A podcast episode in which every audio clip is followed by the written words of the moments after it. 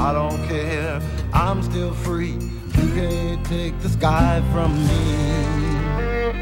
Take me out to the black. Tell them I ain't coming back. Burn the land and boil the sea. You can't take the sky from me.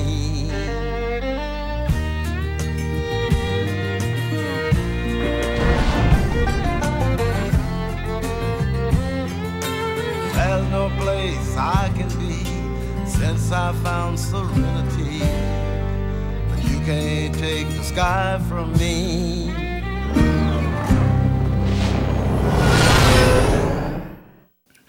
Välkomna till Shiny-podden.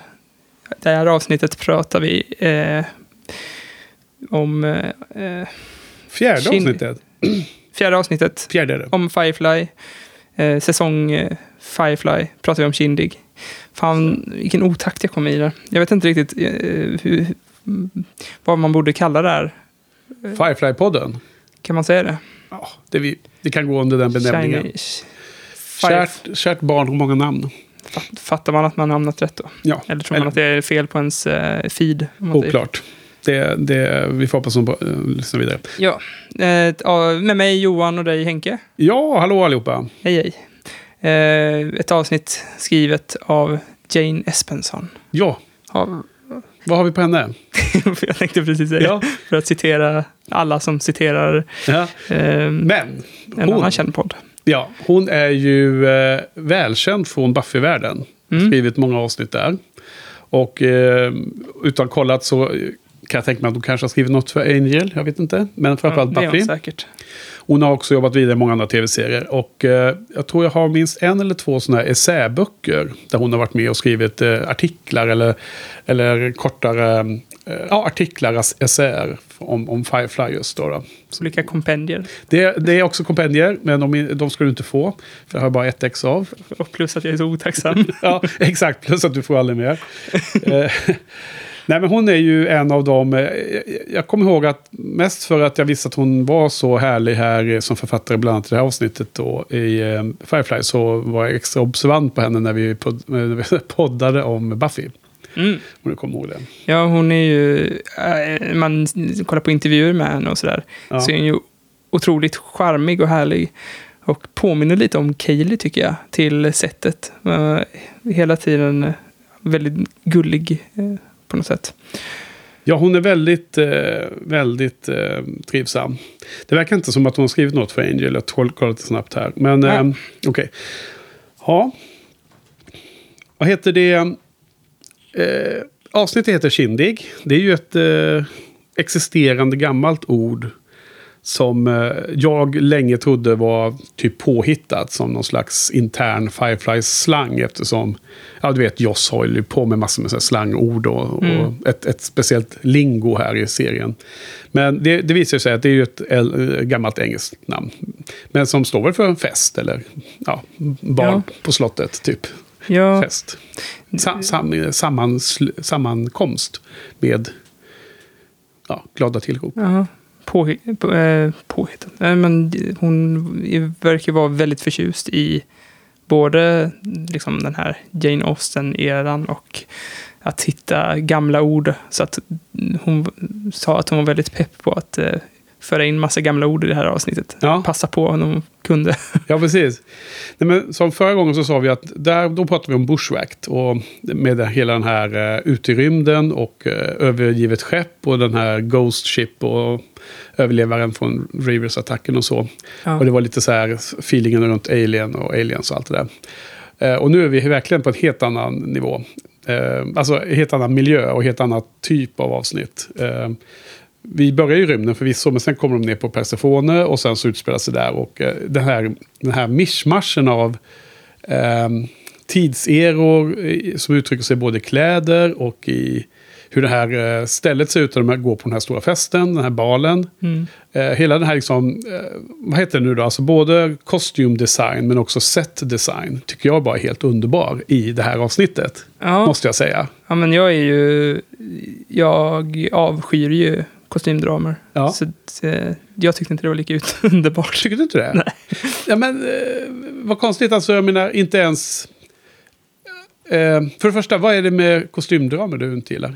Jag vet inte, det, det, jag kan inte riktigt eh, bestämma vad det är som jag inte gillar. Det är alltid så himla eh, uptight på något sätt. Att det är så allvarligt och aldrig roligt och väldigt kärvt. Och man, eh, man, jag tycker inte att man kan connecta så mycket med människorna. Men eh, att jag tycker så är att jag har sett väldigt lite sånt också. Ja, Så jag vet att vi såg ju på den The Favourite på Malmö filmdagar. ja som de har premiär någon gång i vinter och den ska gå på filmfestivalen här nu snart. Ja, så den har väl premiär typ när det här avsnittet Ja, ut. just det. Ja, precis. Jag var dum jag nu tänkte på det. Ja. Ja, men eh, jag blev så himla positivt överraskad för att där var ju människor mänskliga Ja. och till viss del nästan en parodi på kostymdrama. Så, Ja. och sådär. Så att, men det här, ja, jag gillar ju, som vi har sagt tidigare, att, att de har lite så här genre avsnitt, att Ja. de, ju- de tar till sig olika genrer och gör avsnitt baserat på det. Ja. Men var de tvungna att välja kostymdrama? Men, men vad lustigt för att det du beskrev som det dåliga eh, och att det var stiff och att det var eh, tråkiga karaktärer och att de inte var mänskliga eller sånt där. Det, det är ju, kan jag hålla med om ganska mycket. Jag är inte heller en stor fan av eh, eh, flertalet av kostymdramer som jag också har sett. De få, jag har också sett få. Eh, för det oftast är de historiska, ofta är de biografiska och så. Och det blir väldigt, väldigt torrt och trist. Om man inte är jätteintresserad av personen det handlar om. Och jag håller också med om att The Favourite var, var annorlunda. Den var mycket, mycket eh, bättre än vad jag trodde. Och den var jäkligt eh, orienterad mot karaktärerna och mindre mot eh, historien. Eller det historiska i det hela. Mm. Men jag tycker också det här avsnittet är ju helt tvärtom emot det du beskrev som det, de negativa sakerna. Jag menar, här är det ju fokus på karaktärer. Här är det ju roligt. Det är ju inte stiff. Det är ju inte liksom... Det är inte så att kostymerna drar ner stämningen. Utan här är det bara att de är samma roliga karaktärer. Eh, nu låter jag som en sån där browncoat som bara säljer in. Ja. Jag vet. Och det ska jag försöka undvika att vara. Och även se kritiskt på serien. Mm. Men jag tycker ju att den... Att, jag tycker det är så härligt att komma till den här miljön för att du får se andra sidor och du får liksom se karaktärerna i nya dagar, nya ljus, nya Mm. vinklar. Det är ju det som är det härliga tycker jag. Ja, det ty- tycker ju då inte jag. Nej. Jag tycker Ja, precis du- då kan vi bara komma till eh, först eh, med en gång lite så här eh, allmän statement utan att... Eh, så här, men eh, men jag tyckte nog att du liksom, tycker inte karaktärerna- avsnittet var så bra eller? Nej, jag var Nej. inget fan. Okej. Men att de här eh, härliga karaktärerna, jag tyckte de drogs ner lite av att det utspelar sig i så tråkig miljö. Jaha. Ja, otroligt, alltså för att jag måste säga att ehm, trots att jag har sett serien väldigt många gånger Mm. eh, för att vara en tv-serie, jag, jag ser ju inte om tv-serier så ofta, eller det händer nästan aldrig. Nej, Och den här har jag säkert sett minst fem gånger då. Det, det är ju inte som våra, många av våra gäster vi hade på Buffy-podden som hade sett serien tio gånger och mer och sånt där. Nej. Och det var också sju av säsonger. Medan det här är en, en avbruten första säsong. Och jag, så jag är inte alls i samma nivå som många av dem. Men jag har ändå sett eh, väldigt mycket. Men nu var det länge sedan. Så att nu när jag ser om det från den här poddningen så är det otroligt kul att återbesöka avsnitt. Och jag kommer ihåg den här som en av de undre halvan, Johan. Av de 14. Alltså på undre halvan, helt klart. Ja. Men jag bara tycker att när jag såg det här så var det otroligt bra. Och så otroligt mycket bättre än vad jag kommer ihåg den som. Ja. Och, och det är mycket för dialogen och det är framförallt för att det är, ehm, det är så Mal och Inara-centrerat. Mm. Och jag har ju allt efter tiden som gått och jag har sett serien om och om igen liksom blivit... Det, det är min favoritrelation som jag alltid är extra observant på. Som jag gillar allra mest att följa. Deras relation. Ja. Ehm, och det är faktiskt någonting som jag tänkte att man eh, eh, behöver inte ha det som någon stående punkt, men att det finns vissa avsnitt här som kommer nu då, som kommer vara, vara så här som eh, no, några få ur de nio huvudkaraktärerna som det är fokus på. Man kan försöka ha lite spaning på det då, så att den här gången tycker jag att det är mycket Mäl och Inara det handlar om. Liksom, I och med, Mm, uppenbarligen. Just Eh, Det är hennes bal, eh, det är hennes eh, värld de besöker och så. Ja. Och en annan sak jag tänkte på det är att eh, det här är liksom det första nu då avsnittet som inte är en, eh, eh, någon form av pilotavsnitt på det sättet att det ska etablera karaktärerna. Alltså definiera karaktärerna. Här är det första som, som jag tycker att man liksom bygger vidare på det man vet av karaktärerna och sen utvecklar de olika relationerna och de olika... Eh, eller? Ja, jag, jag, Tror du att uh, ja, jag, make, make the sense, eller? det make sense. Men- Och jag vill inte vara alltför negativ, men Mm. jag tycker det här känns... det känns som ett filleravsnitt. Ja. Alltså, eh, jag, har, jag är också känd, jag har blivit bränd av filleravsnitt. Jag har ju sett hundratals Naruto filleravsnitt. Jag har sett liksom avsnitt som handlar om att eh, man ska se hur Kakashis, Narutos lärare, hur hans mun ser ut. Ett helt jävla avsnitt om det liksom. Och det här kändes, och vissa av, liksom, avsnitt av olika serier känns bara som att kan era idéer ta slut snart så att vi kan komma vidare med den riktiga storyn. För Ja. det här känns bara som att man bara står och stampar. Liksom. Det, kom, kom vidare i storyn någon gång. Jaha, jag, redan? Vet, det känns inte... Jag tyckte inte he- heller att man kom vidare i Mal och eh, Inaras... Eh, alltså att deras karaktärsutveckling var så himla stor där heller. Det var väl lite samma grej som man har sett i tidigare avsnitt egentligen. Att eh, han tycker att hon är slampig för att han är avundsjuk på att hon har eh, intima relationer med andra och hon liksom ska vara eh, en eh, respectable woman och sådär. Ja. Eh, det, det känns inte som att man fick eh, någon djupare inblick i någon av dem. Ja, men det håller inte jag riktigt med. Eh, då får vi, Nej, jag förstår det. vi ta det. Alltså jag tycker att det, det är mycket fokus på dem och jag tycker att det fördjupar eh, eh, Mals syn på Inaga ganska ordentligt, skulle jag hävda. Eh, och nu hoppas jag att jag ska kunna motivera under kvällens poddning vad det är som är bra med det här avsnittet. Så får vi se om du eh, mjuknar till ett. Eller? Eller tvärtom. Eller tvärtom. Nej. Jo, jo, så kan det också vara. Ehm, vi får se vems låga som brinner starkast. Ja. Vem av oss två som är närmast den här hysteriska kvinnan som bara skrattar åt allting helt okritiskt. Det kanske är jag som är henne, det kanske är därför jag stör mig på henne. Eh, Vad är det du antydde förut kanske? Nej men alltså, eh, man har ju sett i början av de här, eh, s- de första avsnitten så har ju Mal varit ganska eh, hård i ordvalen när han pratar med Inara. Han, han eh, kallat henne för whore och eh, han har liksom eh, eh, försökt sätta henne på pottkanten ibland, får man en känsla. Mm. Och det är lite som att det, man fattar ju också att det är någon form av kärleksgnabb. Och det, det har inte liksom undgått att man förstår att, att det finns en ömsesidig attraktion där. Och, och, eh, och har man inte förstått det så, så framkommer det ju i det här avsnittet. För det är så tydligt att båda är liksom eh, eh, intresserade av varandra. Och jag menar Mel, hur han beter sig och hur han försvarar henne och han, vad han då gör bevisar det. Och även Inara som i slutet säger till Mel att jag skulle aldrig ha stannat med Atherton där då. Ja. På den här, och, och liksom varför skulle jag lämna Serenity och så vidare. Men att hon också spelar ut det här. Hon gärna sticker en liten kniv i sidan på honom och säger att jag har blivit erbjuden att stanna här i den här fina världen liksom. Eh, Med rikedomar och allt det där.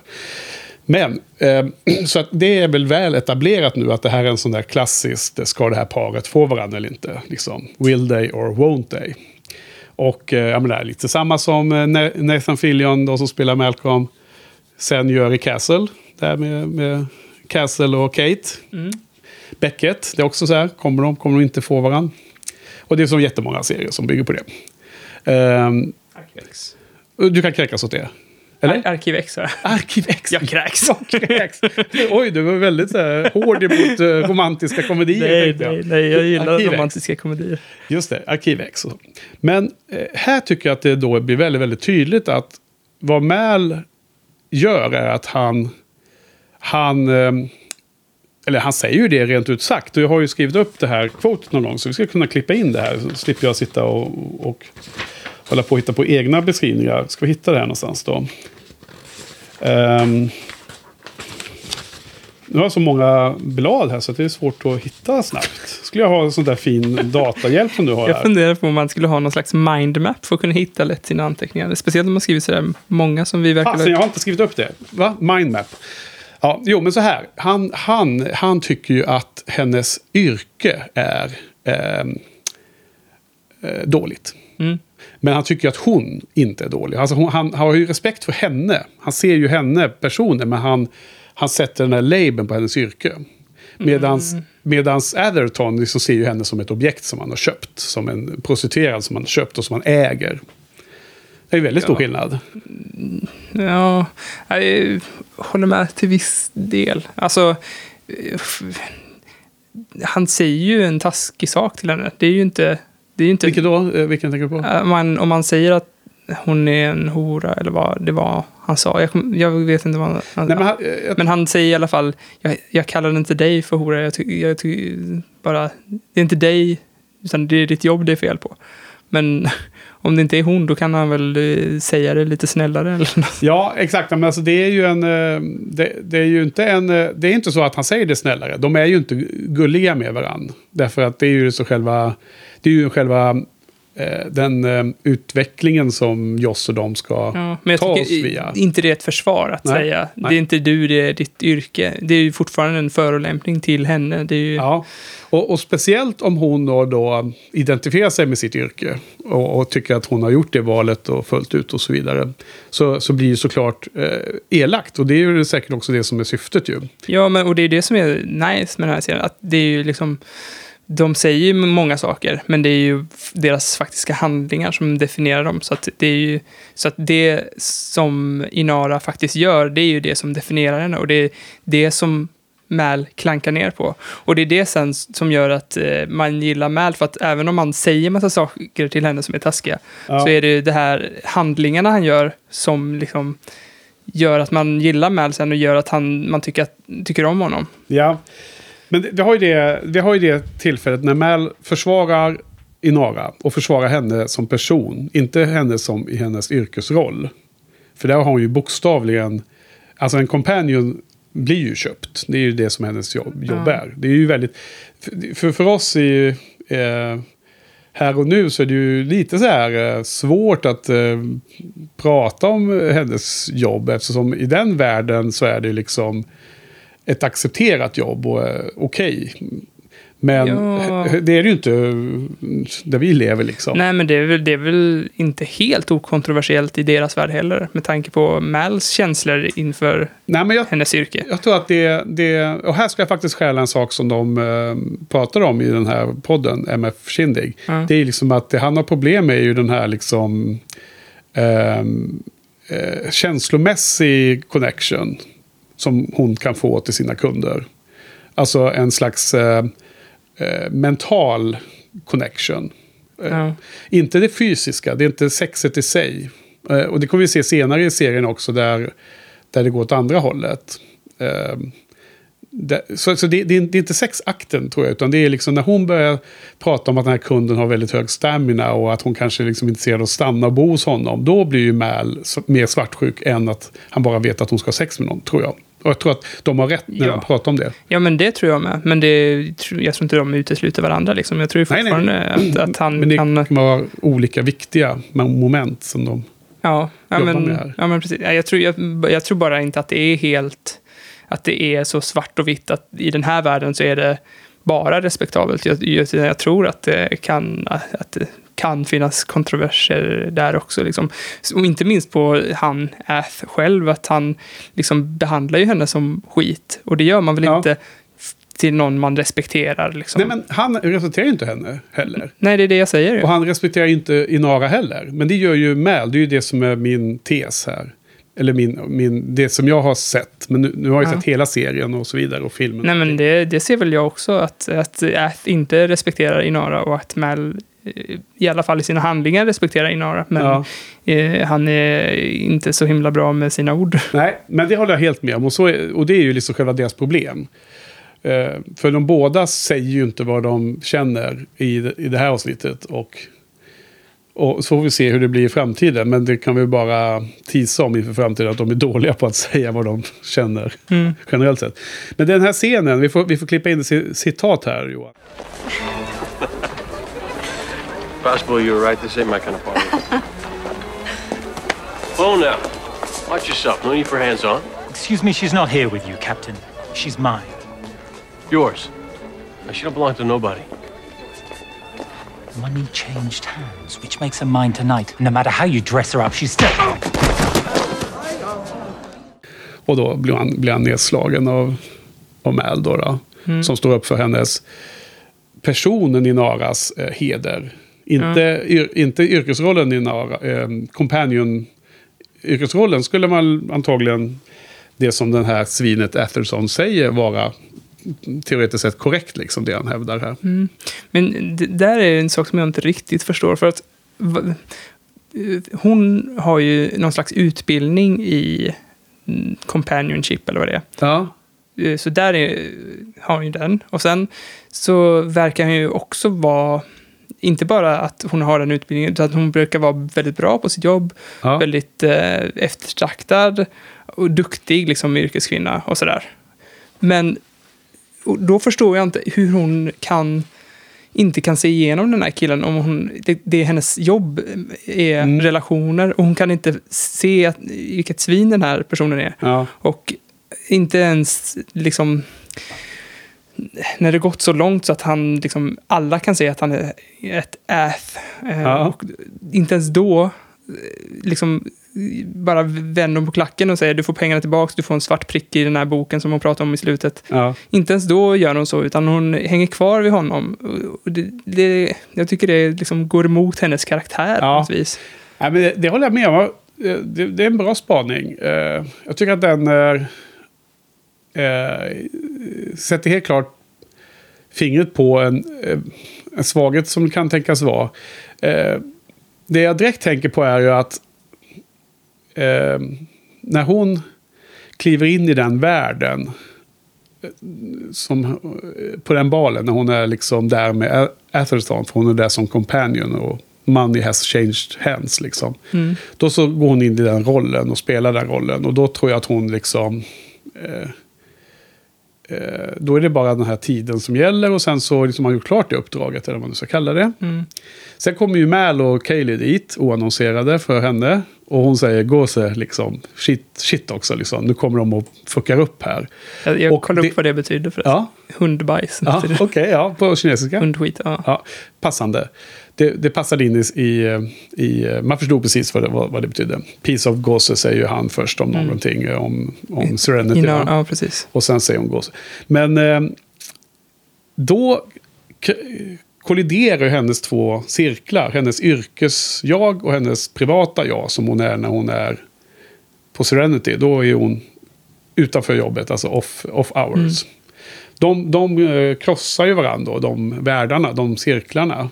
Och därmed hennes kommentar gåse, liksom, skit också. Och jag tror att det är då liksom det blir ett problem. Och, och jag tror aldrig att hon hade behövt, alltså ingen hade tvingat Atherton att backa och komma mot väggen och sen då avslöja sin, sin liksom, hur, vilket svin han var. Eh, på samma sätt om inte Mäl hade varit där. Och det, är liksom, eh, det fattar hon direkt. Så, att säga. så att på något sätt så tror jag ändå att liksom ett normalt förlopp hade det aldrig hänt att hon hade behövt ta de konsekvenserna. Och sen när de väl hade gjort den här... Eh, när Mäl hade slagit ner Addton och han liksom då säger att det är en utmaning och allting. Då, då fanns det ju uppenbarligen alla de här reglerna runt. Liksom, som Badger ville efterfölja och som Lord Harrow ville liksom... Alla var ju med där, så då fattade hon nog att de var liksom inträngda i ett hörn. Och, och, ja.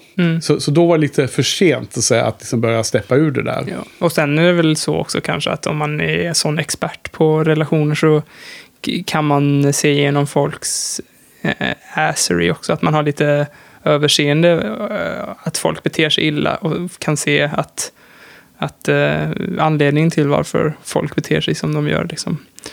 Så kan det också vara. Men, men helt klart att hon har gått sån här eh, eh, Academy för Companionship. Så det verkar ju vara mer som en någon form av, jag tror man brukar jämföra det lite med att det är någon variant av geisha och eh, liksom eh, en, ett moment av det hela. Och att det är, det är mer än att bara vara prostituerad för sexet, utan det är liksom andligt och det är meditation och det är liksom eh, kroppsvård eller vad man ska säga. Det är massor med olika moment i det där. Och man får ju faktiskt se lite från den här akademin i filmen som jag tror att du har glömt en del va? Ja, Jo, och eh, så det är väl ingen spoil egentligen bara att nämna. Men där, där får man se och där är liksom de, de tränar på att skjuta pilbåge och sådana grejer. Det är liksom massor med moment där. Så det är liksom en hel, det är som en, eh, det verkar vara som en skola i, för att bli en, en livsstil mer än att det är specifik. Liksom. Mm. Ja, men jag, har, jag har ju faktiskt, jag lyssnar på en podcast eh, med Tim, Tim Ferriss heter han. Ja. Och han är sån där som inte har eh, eh, fasta relationer och där. Och det var, även om jag inte liksom håller med om det han säger så tycker jag det var väldigt intressant när han intervjuade någon sån här lyx, jag vet inte, alla som är lagligt prostituerade blir ju typ lyxprostituerade eftersom de är de blir dyra på något sätt. Okej. Men, eh, och, och eh, det var så jäkla intressant att höra för att det, de tar ju inte bara betalt för sex utan det är ju många som bara behöver eh, någon att prata med, någon som så här går på dejt med och allt möjligt. Ja, men det är det här, Och- och, är det liksom- The Girlfriend Experience, den där ja, filmen. ja, men precis. Det, hon sa exakt det, det frasen faktiskt. Ja. Jag vet inte riktigt vad det är Ja, men för det är film. Steven Sö- Sö- Söderberg-film. Där det är någon sån jättekänd porr, eh, kvinnlig porrskådis som spelar huvudrollen, vad hon nu heter. Och det handlar om en sån lyxprostituerad som... Eh, hennes grej är att man, man spelar flickvän liksom. Typ på, dejt, eh, på middagar och på så här olika tillställningar och sånt. Ja. Och så ingår det sex i slutet också antar jag. I de här setupen. Men att det är så himla mycket mer då. Jo, ja, men det var ju, de har ju säkert en prislista där. Som, Ja. där olika, dyrt, olika saker. Ja men precis, men då, det är liksom, jag tror att så här, Companions i den här världen är, har mycket av det innehållet i sig. Mycket av det ingår så att säga. De ska vara så här, väldigt kultiverade och väldigt eh, duk, alltså, duktiga på saker och ting också. Liksom. Ja, och det var också intressant att det var tydligen jättemånga par som sökte sig till de här som liksom behövde hjälp med sin ja, men en slags sexterapi eller något sånt där. Att de behövde hjälp för att Skulle du piffa upp det hela lite för att få en nytändning eller? Ja, det fanns nog också, liksom. men mer liksom terapi. Eller jag Jaha. vet inte, hur gör man när man har sex? Typ? Ja, Okej, mer så här. Ja, du, du, du som är så duktig på Ja detta. men, så, ja, men, så, ja, men exakt det. För typ ut, många killar som inte fattar hur tjejer funkar, typ rent anatomiskt, och bara utbildar pojkvännen så här. Så här, det här. Så här ser du att det här gillar hon typ. Så att, Ja, ja. ja, men det var jätteintressant. Det vet inte, kanske man kan länka till i... Ja, det får, Även det får här, du får det är intressant att lyssna på deras stories, för det känns som liksom en helt annan värld än Ja. vad man är. Ja, men det är typ som science fiction. Typ. Ja. Det är som att kolla på Firefly. Man så här, svårt att liksom sätta sig in nästan i hur andra kan leva. Mm. Men intressant att lyssna på. Jo, nej men det är svårgreppbart det här med Companion i Firefly-världen och det är lite... Mm, det är komplext att diskutera liksom, för man kan inte bara kasta sig in och, och sen applicera alla, alla åsikter eller alla tyckanden som man skulle ha om en liksom, ja, någon som är läkare eller vad som helst i vårt samhälle. Utan det är ju, det är ju som bygger på att det är en annan, det finns ju någon annan form av eh, mm, om man säga, kulturell eh, acceptans eller betydelse av vad den rollen är. Och det såg vi också i The, The Train Job, att när hon gled in där så var ju alla liksom jätteunderdåniga. Jag tycker att det var helt fantastiskt att se en companion överhuvudtaget. Och du vet, sheriffen och The Deputy Ja. släpper ju Mal och Zoe där. ja, det är ju jätteintressant. Men eh, också inte helt konsekvent världsbygge. eh, För, Vadå då? För att samtidigt så finns, liksom, kan man... Alltså, Ath hade ju noll respekt och liksom, nu har jag köpt dig och liksom rycker tag i henne. Han har ju ingen respekt för henne, Nej. fast hon är en jätterespektabel Ja, kvinna. precis. liksom. Men han hade ju fel också och därför slog ju Mal ner honom. Och, och det var väldigt tydligt jo, att, jo, men att han gick över Mal har ju en personlig eh, relation till henne. Ja. Det är ju det, kulturen och världen, det är dera, Ja. det jag tänker på deras syn på. Men jag tror, det här att, yrket, eh, jag liksom. tror att det finns... eh, Det är nog inte tänkt att, att alla kunder beter sig som Edgerton. Jag tror att han är ett undantag. Och det får man se på andra sådana här tillfällen. Ja, men samtidigt så är det ju en, typ det enda man har sett från kunder är ju att de betett sig som svin. Det var ju likadant med, det var någon kund innan också som var så här, sa något liksom nedvärderande. Jag kommer inte ihåg exakt. Alltså, det, det är nog hårdare det hela. I allra första avsnittet så har hon ju en ganska ung kille som, föreslå, som f- frågar henne om hon inte eh, ska liksom ta, bli hans. Eh, att att eh, hon ska inte, eh, hon ska liksom eh, komma och bo hos honom istället. Och sen då så säger hon ju nej. Eh, du kommer ihåg från Ja. pilot. Och sen så säger han något så här, ja, eh, och så säger hon att, att tiden är slut. Och då säger han någonting, ja, men du har säkert riggat klockan så den går fortare. Och så, så ler han som att han säger ett skämt, men i några mm, skrattar inte överhuvudtaget. Och då ser han så här awkward ut, liksom. det, var inte, det var inte lyckat. Liksom. Så det var inte så, alltså det är ju inte samma, det är inte samma liga som Adderton. Nej, nej, men det, det har rätt. Jag kommer kanske ihåg att det var värre än vad det var. Men samtidigt kunde man ju visa att liksom, en kund som var, hade gett, gav henne det respekt. kommer, det liksom. kommer. Ja, men det är bra. För, för just nu känns, känns det inte som att eh, liksom, hennes yrkesroll Mm. är konsekvent. Eh, man, Nej, och jag, man, jag, jag, jag känner inte att det här är en helt... Ath- Atherton är en helt unik. Så här, han har lyckats lura systemet och har varit ett asshole som har lyckats lura till sig en sån här... ehm, Ja, men jag- eh, companion. Jag tror att ehm, det är lite så man ska tolka det. För jag menar, vi får komma till den sen, men det är ju så jäkla bra när hon... eh, hon är ju inte bara en damsel in distress heller. För att förvisso att Mal är ju superstörd över alla hennes eh, kunder. Och framförallt eh, om de är svin som Atherton. Men hon, hon biter ju tillbaka rejält sen då angående den här Black Mark in the Book som du nämnde också. Det är ju Mm. en av avsnittets bästa scener såklart. Ja, men det, det håller jag med om. Ja. Det var ju skitbra. Och, och, och grejen är att då, så- med tanke på att det finns Johan, så vet man att han inte har betett sig så här tidigare.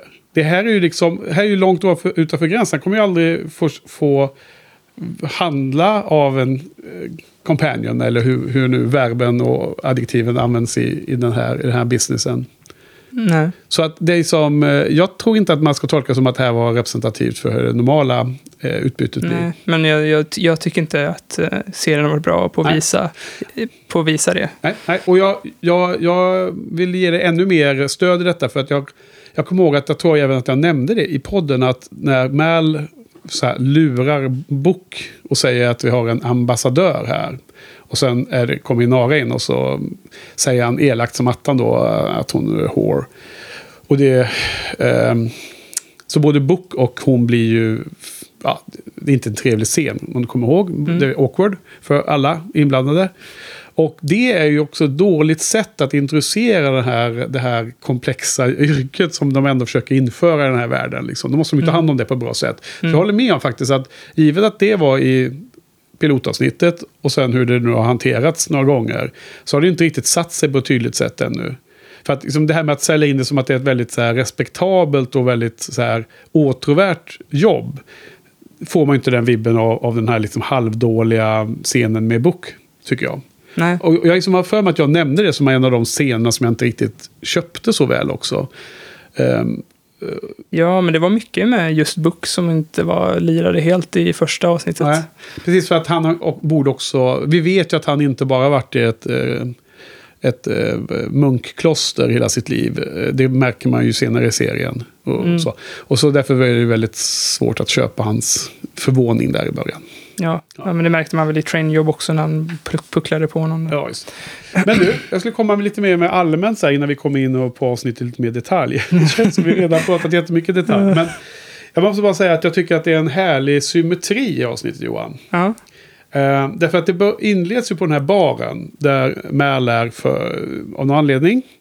Och det, eller först ska jag säga en annan sak. I det här avsnittet så introduceras jättemånga karaktärer som är med i The Board Game. Så det måste vi kolla upp sen i slutet innan vi är klara med poddningen. Ja, ja. Precis. Eller hur? Du, du såg flera av dem själv kanske? Ja, men Harrow är väl med. och- Ja, men vi, vi säger dem nu då. Eh, Har du skrivit upp alla? ja, jag har skrivit upp de här. Eh, Badger har vi sett tidigare, kontakt. Ja. Och sen har vi ju då... Har vi någon fler vi sett tidigare? Nej, har vi inte. Men har vi ju Adderton Wing. Han är ju en av leaders. Ja, Så han finns ju med. för det var det jag tänkte fråga om, för jag känner igen det, men jag kommer inte placera det. Men då Ja. var det. Ja, han är ju med där. Och han, hans eh, personal skills är ju May Not Hire Companion i spelet. Ja. Så han får inte ens eh, ha Är companion. han med senare i tv-serien? Nej. Nej. Sen ser vi då uh, Sir Lore Warwick Harrow. Så han är en av, det är ju Lord Harrow, Mm. Ja. spelet. Sen har vi ju Wright, som en annan leader. Och det är han som är med i första scenen här, när de är på den här baren. Jaha. Och han som skryter över att han har fraktat eh, slavar. Och det. blir ju så irriterad, är ju så irriterad på det så han stjäl ju alla pengarna från den där. Det var mycket snack om slavar i det här Ja, avsnittet. såklart. Det handlar ju companion-orienterat, så allt är ju tematiskt. Companions ses som slavar då? Ja, men de, de pratar om slavar i början och sen så vill ju Atherton erbjuda Inara en position som i princip skulle kunna Just vara som det. en slav. Mm. Och hon vill ju givetvis säga nej till det då, fast hon tog chansen att reta Mal på vägen. Ja. Så, och Mal blev så retad av det så att han råkade slå ner Atherton och därmed indirekt gjorde en eh, utmaning på sword, sword fight. Mm. det är väldigt roligt. Men eh, Wright är ju en leader i, i spelet och hans eh, special skills är ju att plus 100 per, per delivered fugitive. så att så fort han levererar en fugitive får han plus 100 varje gång. Precis som det är han, sjukt att de har tagit sådana små karaktärer och liksom Ja. blåst upp till riktiga karaktärer i brädspelet. Ja. Och, och det är den sy symmetrin som jag skulle komma till som jag tycker är så himla snygg också. Det- Dels det tematiska med, med Slaver som du nämnde. Men också att Mal, eh, Inara följer med Mal på den här baren. Och då är vi i Mals värld. Liksom. Då är det som en slaver och de är rough, ruffiga. Det är liksom en sunkig miljö och de, spe, de dricker öl och, och spelar biljard liksom och slåss. Eh, och, och sen följer Mal, kommer han in i hennes värld, som är de här rika folket. Som kan ha liksom helt buffébord fylld med det här. Du såg det här fatet med jordgubbar. Jag tänker tillbaka på hur värdefullt en jordgubbe var. Liksom i första avsnittet när liksom Book fick, eh, fick ge, ge bort det. Liksom. Det var jättemycket värt, fick man en känsla av. Så att det är verkligen två olika världar. Och när Mal är i, i Naras värld, för det är ju hennes hemmaplan, då är han ju helt fish out of water. Liksom. Det är så uppenbart att han inte passar in där. Han kan inte koderna, han kan inte etiketten, han, kan, han vet inte hur reglerna är, liksom, signalerna. Sen då klarar han sig ändå för han är en jäkla så här dogfighter. Han, liksom, han kan fightas liksom. Han, han hittar en, en advantage i, i, som, i, i fighten i slutet och lyckas överleva. Fast han mot, mot alla odds. Då då. Men hon är ju å andra sidan helt på sin rätta plats även i hans miljö.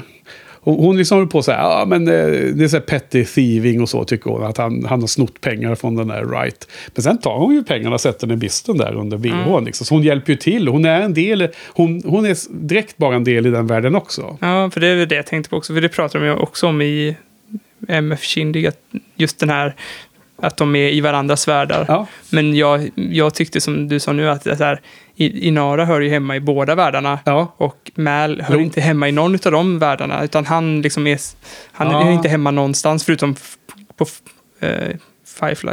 Eller vet ni? F1. Ja.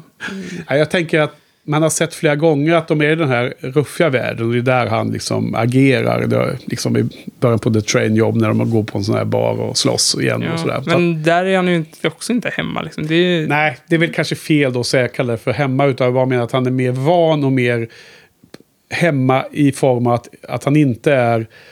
Um, att han, att han är mer, det är en mer känd miljö för honom. Alltså, han är mer Ja. van i mil- miljön. Det är det jag menar.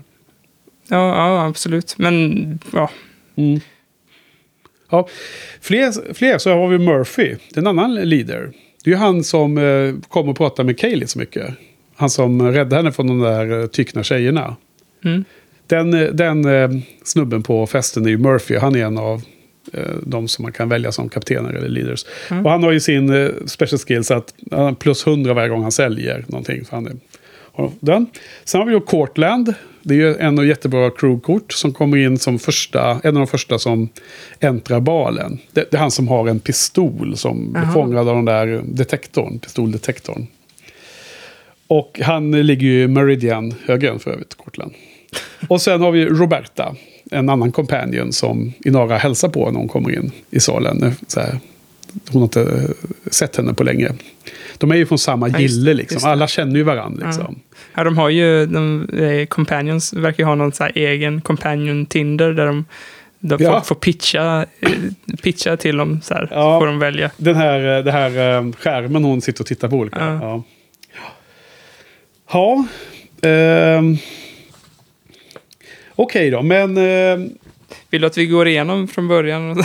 men alltså, jag tycker att det är attraktivt eh, format. eh, Men å andra sidan har vi redan pratat ganska länge om en hel del. Men eh, jag kan väl bara titta igenom, för jag har ju skrivit upp mina funderingar per scen här nu då. Jag har ju antecknat i ordning också. Så jag har inte skrivit upp scener, men Nej. de kommer ju i ordning. Men, men om jag säger scenerna så kommer vi eh, kunna synka oss då. då. Ja. För det börjar ju på Serenity. Och eh, eh, det börjar ju en tidig scen. Alltså nu är det inte exakt scen för scen, utan nu är det mer eh, grovt under, under avsnittets gång. Så får du hitta bland dina här.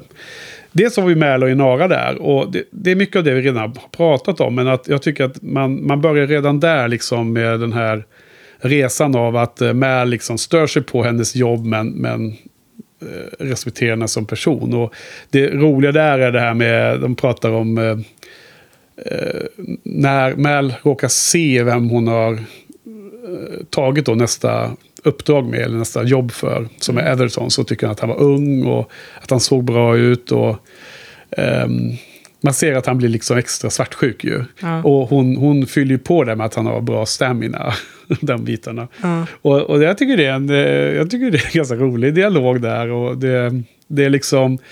Det bygger vidare på den här oförmågan de har att nå varandra i, i kommunikationen. Mm. Men det kanske inte är jättevärt, mycket värt. Du, du ser helt, tycker bara det verkar Nej, men jag, helt känner jävla bara att jag, jag känner bara att jag inte kan hålla på och klanka ner på allt hela tiden. Nej. Så jag får väl... Ja, det är väl lite skärm. Nej, nej, jag, jag vet inte. Men, eh, jag, men däremot, så, som jag sa förut, jag håller ju inte med om att hon, han respekterar henne som person men inte som Mm. hennes yrke. Jag tycker snarare att han eh, respekterar henne i hans handlingar men inte i hur han pratar med henne.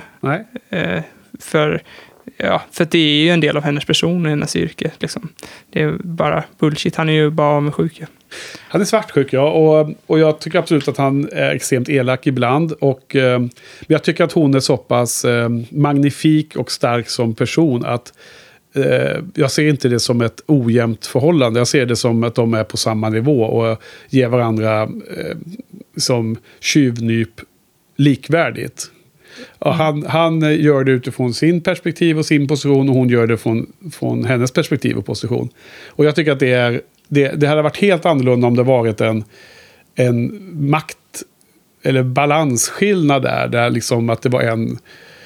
Eh, om han hade varit, haft en annan liksom, maktposition, hon hade varit liksom en, en, en, en svagare karaktär i serien. Då hade det känts helt galet liksom, det han säger. Ja, men det är ju också så att hon är ju egentligen har ju högre status än han. Ja. För hon, han, hon är ju hyresgäst hos honom. Han, hon är inte anställd av honom. Nej. Hon är ju en hyresgäst, så hon är inte en del av hans crew. Han har ju ingen makt över henne. Hon kan ju bara lämna när hon vill. Ja. Så att det är ju, som du säger, det är ju absolut inte någon skev fördelning av makt där. Och det är väl en ganska bra grej att det är, att det är så. Ja, och För då blir dynamiken mycket mer intressant. Och jag, och jag håller ju helt med dig. Alltså det, det jag sa talar ju inte emot det minsta det du säger nu. Liksom att att eh, det blir en intressant dynamik mellan dem. Just för att de har ganska likvärdig maktposition, om man ska säga. Man kan säga ett annat exempel är att ehm, i det, eh, om jag är lite svepande om generellt under hela serien och filmen så de gånger Inara säger emot Mal inför de andra så tar han ju jätteallvarligt på det. Och jag tror att det finns minst två gånger under hela, hela historien där han liksom tar en åt sidan och säger åt en du får fan inte eh, ifrågasätta mina beslut som kapten på skeppet. Nej. Liksom, du, är, du hyr in det här men du får inte liksom, undergräva min auktoritet inför mina anställda. Liksom. Men när Jane säger detta, han säger det i nästan varenda jävla avsnitt, så har han ju olika idéer. Jane. Ja, Liksom, eh, vi ska fightas mot Badger, säger han i första avsnittet. Och sen säger han, vi ska liksom lämna in River och Simon, säger han, till eh, Alliansen. Och vi, ska, vi ska ta pengarna som är deras Bounty och allting. Och han säger ju så hela tiden. Ja. Och, och Mal han bara bryr sig inte. För att, för att Jane är inte en, en samma nivå som. Nej. Men, men Inara är ju det. Ja. Det är ju därför han... Det är därför, den, det, det är därför det är som spänning mellan dem. För att de är jämbördiga. Annars hade jag aldrig... An, an, annars tror jag inte att jag hade uppskattat deras relation. Alls. Om, om det inte hade varit så. Nej, jag håller helt med. Och, och därför så tycker jag att han säger jäkligt elaka saker, men på något sätt så... eh, Så, så skiner det igenom hans eh, agerande, som du också säger ju. Ja.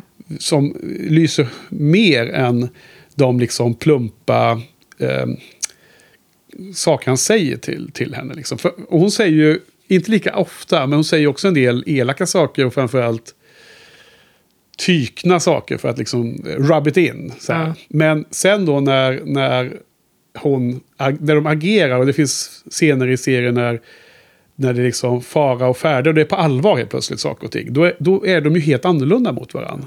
Alltså jag tror vi tycker likadant och eh, har samma känslor för dem. Det var bara en så semanti- semantisk... eh, Ja, det är möjligt Bullshit. att det var, men jag, jag, jag, blev... Jag vet inte eh, om det var så. Men, men eh, vilket fall som helst är det väldigt intressant att prata om, tycker jag. Det finns ett, Ja, annat, par, ett annat par som jag tycker växer mer i det här avsnittet. Det är ju mellan Zoe och Wash. Och vad tycker du om det, deras relation då? det var väl gulligt. Ja, för, det är ju, jag tänker på, man får se, men det är bland annat att de är i sängen då efter att ha haft sex och så här. Och att det är en, jag tycker det är ganska, eh, det är en så härlig scen därför att det är väl ganska ovanligt att man ser ett par som är gift och som har sina ups and downs och ibland är liksom Zoe är stark som attan och Wash är lite pajas. Men helt plötsligt så är de också, de har också en balans i sin relation. Och att den liksom fungerar. Och sen får man se en fin scen som det här. Det brukar man ju aldrig se liksom. Nej. Jag, jag skrattar inte åt Wash och, och så. Jag skrattar bara att, att vi inte kan hålla oss till eh, att ha en strukturerad... Nej men det är fortfarande på Serenity. Ja, ja men bra. Det, det, var, det är med här. Det kommer till Persefone nästa. Eh, det är också roligt att, att vi... Att det, jag, liksom, det låter fel när de säger Persephone, eller vad fan är det de säger? Jag uttalar om det. det måste, Persephone. Per, Persephone. Ja. För, alltså, Ja. försänkt det bara för det, men Persephone säger, för att det säger vi. För att vi Ja, vi säger det läser fel. från korten Ja. på, på brädspelet. Men det, Contemplata. Ja. ja, Men, men eh, nej, alltså jag har, jag har inte tagit det exakt scen för scen. Jag har tagit det från eh, segment med så här. Först är det från Serenity och det är ju de här, de här grejerna man får se ganska tidigt. jag förstår. Men, men eh, tillbaka till Wash och Zoe då, så Ja. tycker jag att, också att det är väldigt nice att se ett par som är ett par eh, och inte liksom att eh, det ska vara ett säsongsavslutning på att eh, de får varandra och sen eh, är de ett, isär igen i nästa säsong. Liksom. För det, jag tycker man har saknat att se liksom, förhållande i film och tv som bara är förhållande. Ja, precis. Det, är liksom, det, det har egentligen ingen utveckling för det, det är redan så här helt moget Ja. när vi kommer in i det. Det här allting där, när de träffas och så. Man, man får ju se lite, det finns ju ett avsnitt när man gör flashbacks från när olika personer joinar eh, Serenity. Och det avsnittet är ju jättebra tycker jag. Mm. Och då får man ju se sådana saker, alltså när de inte känner varandra. Mm. Men nu är allting moget. Och, ehm, sen är det ju liksom, ett- ah, det är väl ett, ett simpelt knep men ändå man måste göra det för att liksom, alla gör det ju inte. Att Zoe ha, har ju en roll som oftast hade varit en man. Mm. Liksom den, den högra handen till huvudpersonen och som är en badass på att slåss. Liksom, det hade ju lätt varit en man. Liksom. Mm. Men nu är det ju en kvinna och det är ju jättekul. För det liksom skapar ju en annan dynamik både mellan Mal och henne.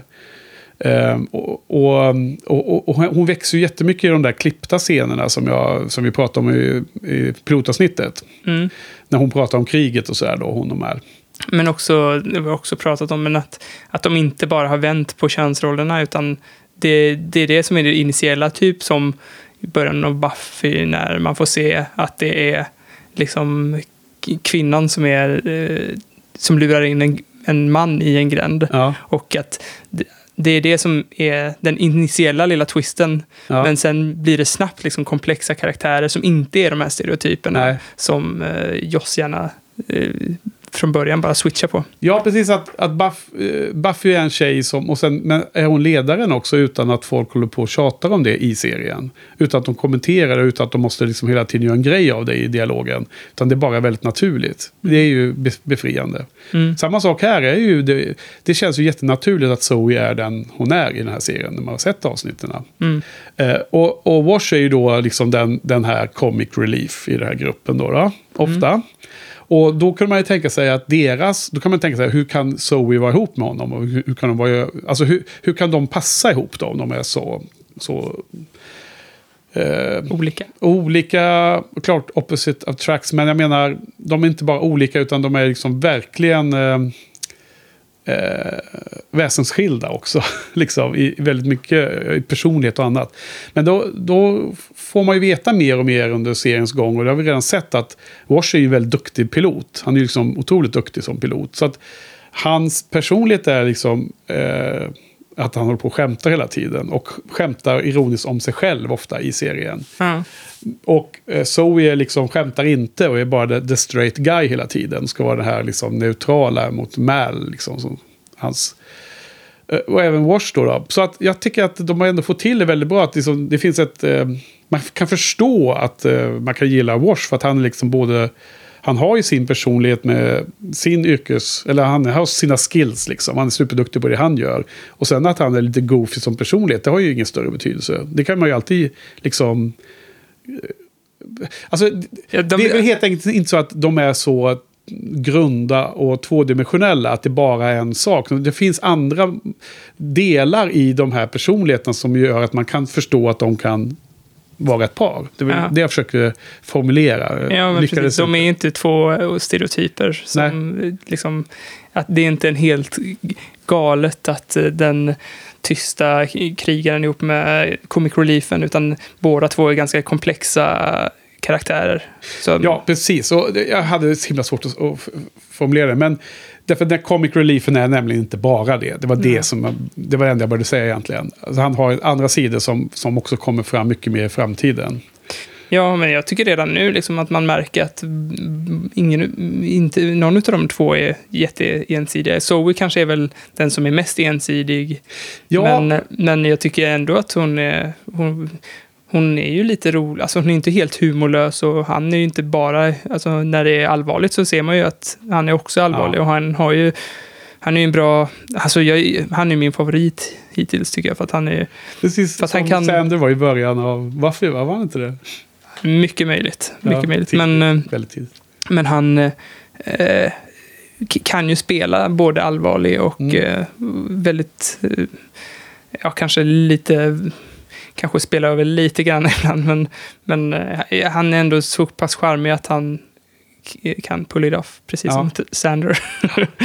Ja, eh, nej men, eh, och här får vi eh, ändå ge dem lite cred i den andra podden här, Mi- Mighty Find Shindig, att de eh, poängterar att hon inte riktigt är utvecklad ännu så här långt in i serien. Zoe. Nej. Och det kanske stämmer. Man kanske inte riktigt har fått koll på henne ännu. Hon, hon, hon kanske är en, av de som är mest tvådimensionella fortfarande. Som inte har liksom fått dynamiken riktigt satt Ja, sig. för i bok har man ju ändå fått små glimtar. Om, Ja. Även om de är, som du som har sett hela serien, kanske inte han är eh, hans eh, karaktär är konsekvent med hur han blir senare. Men han har ju ändå man fått lite glimtar av hur att han, har, att han är mer än bara en präst. Liksom. Men, s- ja, men jag tycker ändå Zoe... Nej, men, jag tycker ändå Zoe...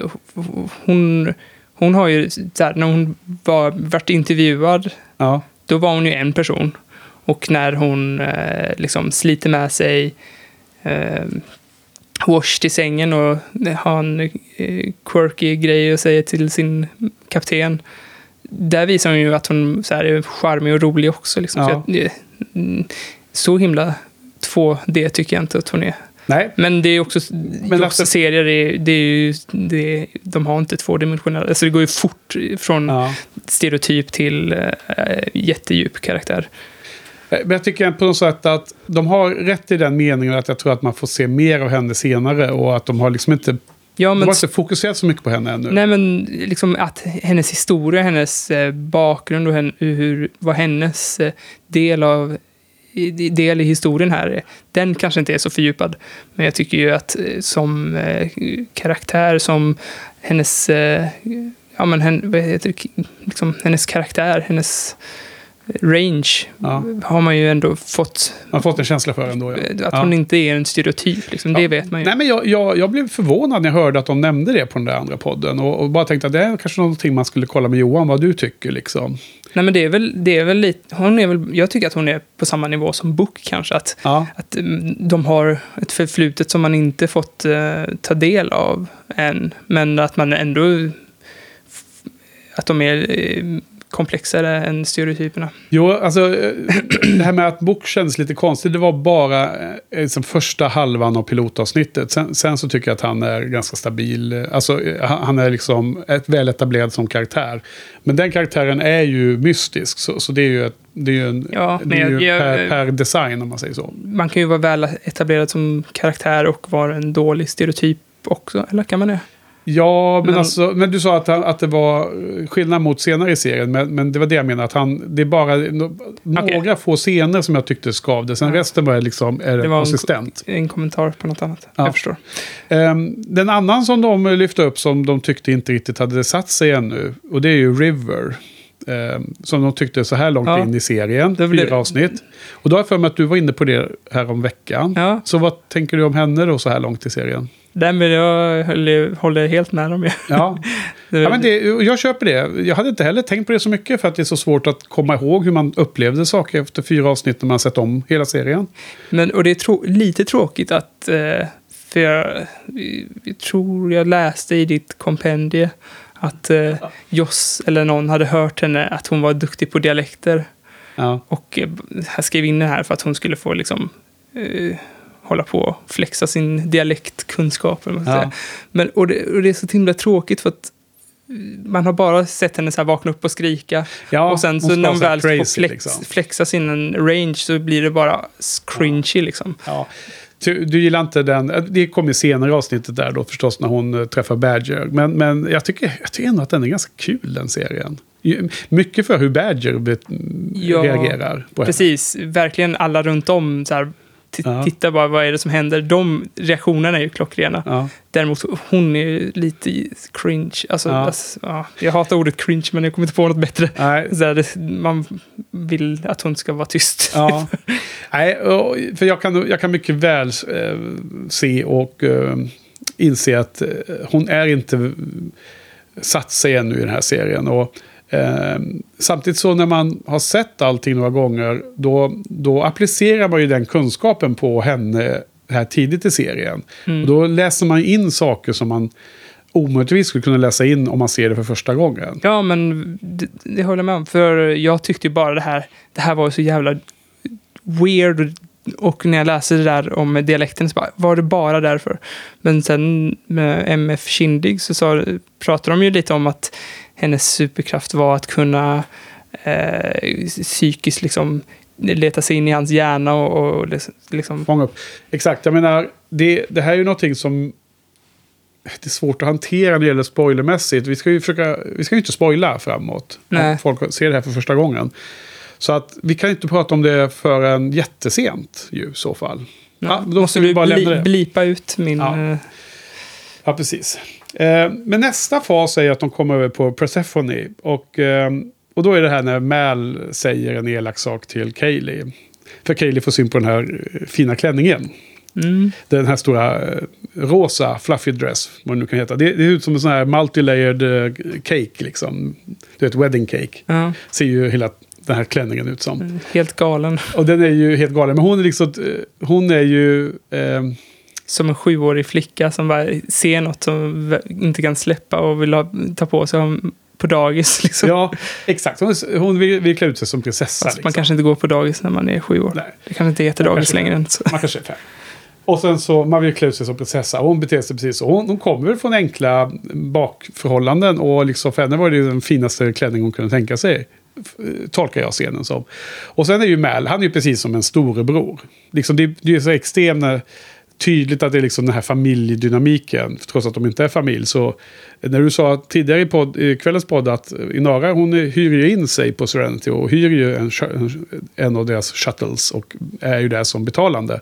Men Mals crew är ju där för att de har jobb och de kan ju sluta sitt jobb när som helst och byta, hoppa på något annat skepp och jobba.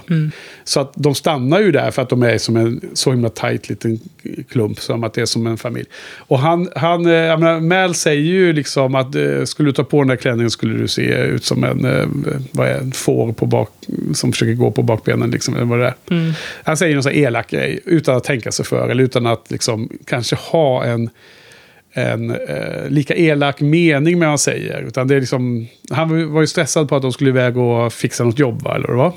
De sa att vi måste lämna det här snart och, snart och så. Ehm, och sen så blir ju Zoe skitstörd på honom för att han är elak mot Kaylee. Och Kaylee blir ännu mer förbannad. Men det är ju inte heller den här offermentaliteten som de ska spela upp. Utan hon är ju bara, blir bara sur på honom. Precis som s- syskon blir på varandra. Liksom inte att det bara... De gör ju inte en stor grej av det som ett offer. Utan det är mer så här, de är ju två personer som känner varandra extremt väl. Och som har liksom sina lojalitet och sin... De har ju ett band som är jättestarkt. Men de kan ju fortfarande bli arga på varandra om den andra säger en jäkligt plump och elak sak. Ja, men jag tror inte ens att han... eh, Att, om de inte hade haft eh, det här bandet så hade de ju inte ens blivit arga på varandra. För, för, då, för då hade de inte brytt sig om vad de tycker om varandra. Liksom. Så att, men alltså, Kaylee i det här avsnittet växte jättemycket hos mig. Ja, För det var väl typ, det tror jag är det bästa med det här avsnittet, att man fick se andra sidor av Kaylee som jag tyckte var ganska 2D-platt okej. eh, fram till nu.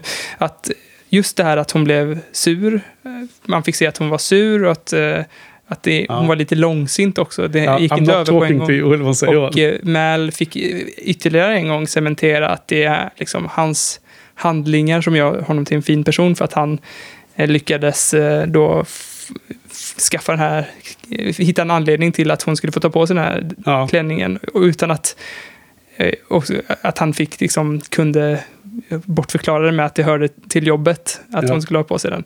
Så då, då, ja, då gottgjorde han henne med sina handlingar för han kunde inte säga förlåt. Det, det är typiskt honom och typiskt män kanske att inte kunna säga Ja, förlåt. han... Precis, jag tror nog att det är nog sällan man ser honom säga förlåt i den här serien. Nej, utan det är med handlingar. Och, sen- och sen när de hamnar på den här balen, eller vad det kallas, den här festen, Ja. eh, som Inara är på, då får man ju se att hon är lite skojig också och eh, retar Mal och kallar honom för Captain Tight Pants. Ja. Och, då, och även så här, he, när hon går runt där, innan hon blir mobbad av de här elaka tjejerna, Mm, Det är Mean Girls. så, ja, så har hon eh, eh, mycket personlighet som Ja. jag tycker har saknats. Och, Underbar, ja. Ja, att, eh, Hon är jätteintresserad av mat ju. ja, och hon är jättestolt över sin eh, Klänning. klänning, också. Ja. Bara, Ja, men hon är, helt, hon är så otroligt charmig i det här avsnittet. ja, men verkligen. Eh, Men det, det är så många grejer här. Eh, Det, att hon är så himla intresserad av mat, det är så här, framkommer ju i piloten, men man tänker inte så mycket på det. Men sen så är det ju jättehärligt att det liksom återkommer. De liksom Ja, bygger ju Det jag inte, långsamt. det har jag inte tänkt på förrän du säger det nu. Men det- hon vill ju gå och intervjua buffébordet. Ja, vi, måste, vi måste intervjua buffébordet säger vi. Hur ska vi annars veta om, om det är den här Harrow? Och han bara, bara du inte kräks eller Ja, något sånt precis. där. Ja, Okej, och han är som, som en storebror som säger ja, men gå och gör det då först. Då, liksom. Och sen i slutet så också, tog hon också i sig någon godis eller något sånt där. Någon ligger, ligger och göttar ja. sig och äter godis och kollar på sin klänning. Ja. Och, och um, min teori är ju att, att eh, lyckan med Firefly är att de har castat alla så himla väl. Mm. Och det visar sig att hon som spelar Kaylee, som heter Jewel State, hon är ju jätteintresserad av mat. Så hon hade ju en matblogg som. Jaha. jag följde ganska länge. Och nu vet jag inte om hon håller på med den så mycket, för hon har ju gift sig och har ett barn. Va? Men hon och hennes man då, vad han nu heter, de har ju en annan matorienterad grej. De har ett, startat ett teföretag som heter Tea Runner. Men varför håller kändisar på att laga en massa mat för? Alltså, mm, ho- hennes ma- matblogg var ju bara så visa när de själv går på restaurang eller själv lagar mat. Så det var ju som inte någon eh, Så där kommersiell grej. Sarah Michelle Gellar har det också på, och bara på hennes Instagram. Ja. Bara massa mat hela tiden. Okej, ja. Lik- Likadant med Jennifer Garner, också bara Ja. jävla mat hela tiden. Ja, ja men eh, så Eurostate tror jag tar mycket av den delen av Kaeli tar hon väldigt nära sitt hjärta liksom. Ja. Eh, det här T-Runner, det kan man bara prenumerera på om man bor i USA eller Kanada. Hon är ju kanadensiska för övrigt då. Jag tror hon bor uppe i Kanada. Om, eller ja, hon jobbar väl i sig i USA mest. Så det, ja, det, vet- jag vet inte vart hon bor. Jag ska inte gissa. Men man kan inte beställa det i Europa i alla fall. Men man kan, alltså där borta kan man vara prenumer- prenumerant och så får man då utskick av extra bra teer som hon och hennes man testar ut och, liksom, och väljer ut för månaden, månadens te och så vidare. Jag förstår. Hon är ju med i Magicians. Ja. Och jag kollar på Magicians, men jag tänkte inte på det då. Så jag Nej. kanske borde... Jag har inte sett senaste säsongen av Magicians, så kanske borde se det. Vadå som eh, eh, alltså en, en av huvud... Jag vet inte. Recurring eller Ja, bara, bara återkommande. gäst? eller? men jag vet inte Ja, ifall okej. hon är huvud... Sen det här, eh, Captain Tight Pants är ju så här superkänt citat inom browncoats-världen ju. Mm. Det har man ju känt till hur länge som helst. Och det är ju den roliga trivian runt det där är ju att eh, eh Jane Espensen tog med det bara för att det var ju ett skämt när de spelade in uh, Serenity-pilotprogrammet. Mm. För- Som de också pratade om på den eh, Blu-rayen. eh, audio commentary mellan Joss och Nathan Fillion. Ja. Det var ju att då när de spelade in den där scenen från Serenity Valley när de sprang kring och, eh, mitt i kriget. Så, eh, så sprack ju hans byxor fyra gånger eller sånt där. Så Mm. att de fick spela in någon av de där scenerna med byxorna som fortfarande var sönder då. För det gick inte att laga till slut. För att de, de var för tajta. Så att då eh, kom ju Jane här och skrev in den här Captain Tight Pants. Så det, det är ju så här som står på t- t-shirts och såna grejer liksom. Har vi Ja. plockat upp. Ja, det var ju rubriken där i ditt kompendium också. Ja. Kapten Tight Pants. Men eh, ja, nej men eh, så vi har redan täckt in när, när de är där då. Eh, nu fick jag lite ordning i mina papper här. Eh, men det har vi redan kommit in på. Men vi, vi, får- vi får återkomma och se vad som händer i balen. Eh, mer när de är i Persephone, i den stan då som jag gissar också heter Persephone. Men annars är det väl planeten som heter så vitt jag har förstått. Ja. Då är det då när, när eh, Badger dyker upp och man har en ganska kort men jäkligt härlig dialog. Härlig scen då när Mal och Jane är hos Badger och så får de det här uppdraget. Att ta kontakt med Lord Harrow för att göra det här jobbet. Mm. Och den dialogen är så himla underbar. Alltså, eh, för Jane är ju så himla lustig. Det är ju det här citatet. You backed out of a deal last time. Left us hanging.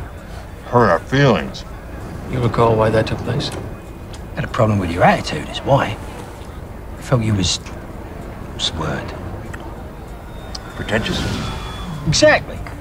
Alltså Jane fyller i liksom. Det Badger söker för att liksom säga något så här spydigt mot Mal. Och så himla rolig ögon.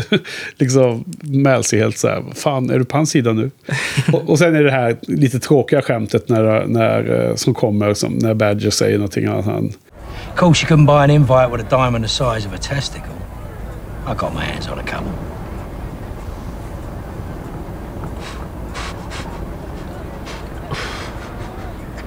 Of invites. och så är det Mal och Jane som har ganska kul ögon. Ja, det var ju det, det bästa. Ja. Jag tyckte, jag tyckte Och invites. Eller? Invites. Ja. ja. Inte testicles. Ja, ja, ja. Nej, men eh, det, det kändes som att, att han eh, också...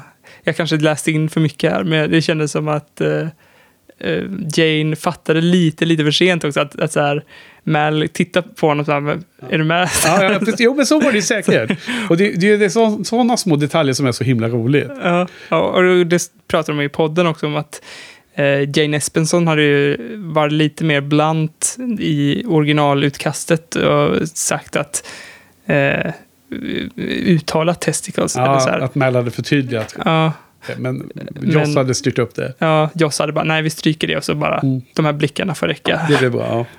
Och, eh, men jag tycker det är en härlig scen. Och det är liksom, den här dynamiken mellan Mal och Jane är också intressant tycker jag, hela serien. Det, det är liksom en otroligt eh, kul dynamik. För att det är så himla mycket att det inte är enformigt. Det är inte väl definierat. Den, den, sväj, den svänger medvetet. Skrivet så, upp och ner hela tiden. Jag tycker att det blir otroligt bra. Här är de ju liksom på samma sida mot Badger. De ska skaffa ett jobb, tjäna pengar på det. Och, och, och, och Jane är liksom... Jag ska, nu måste jag försöka formulera vad jag har i huvudet. Liksom det, um, man vet aldrig vad man har Jane i en sån här situation. Och Mal måste hantera det samtidigt som han är liksom... Eh, ja, eh, kontrollerar situationen tillräckligt väl för att inte vara, bli berörd av att Jane liksom helt plötsligt är konstig, om man säger så. Ja, men det är också roligt att man, det är så tvebottnat, finns det inget som heter. Men alltså, för det du säger nu, det är ju det roliga att Jane säger någonting som eh, eh, är, eh, är mot Mal, liksom. Men i Kindig, MF Kindig-podden tyckte de det roliga var att han sa någonting som var liksom att han kunde svåra ord medan Men det är ju inte det roliga. Nej, men det, det, ro, det roliga är väl att man tar med sig olika Ja, det. saker. och men, samma, du, men du tycker det roliga är som jag tyckte, eller? Eh, jag hade inte ens registrerat det där. Ah, så jag tycker okej, det, det är Ja. också en rolig grej att Ja. ni båda plockar ut ett citat som jag inte ens tänkt på. Nej. Och hade olika syn på vad som var roligt med det citatet. Och Ja. jag hade inte ens tänkt på det citatet. Men okej, om du tänker på den här scenen i slutet av Serenity, piloten. När, när Agent Dobson har ju lyckats fly från att vara fjättrad. Mm. Och Mal fattar ju direkt vad som hänt, är min tolkning av allting. Och så frågar ju Mal Jane. eh, Det var ju konstigt att eh, Dobson kom fri där liksom. Och hade en kniv och sånt där.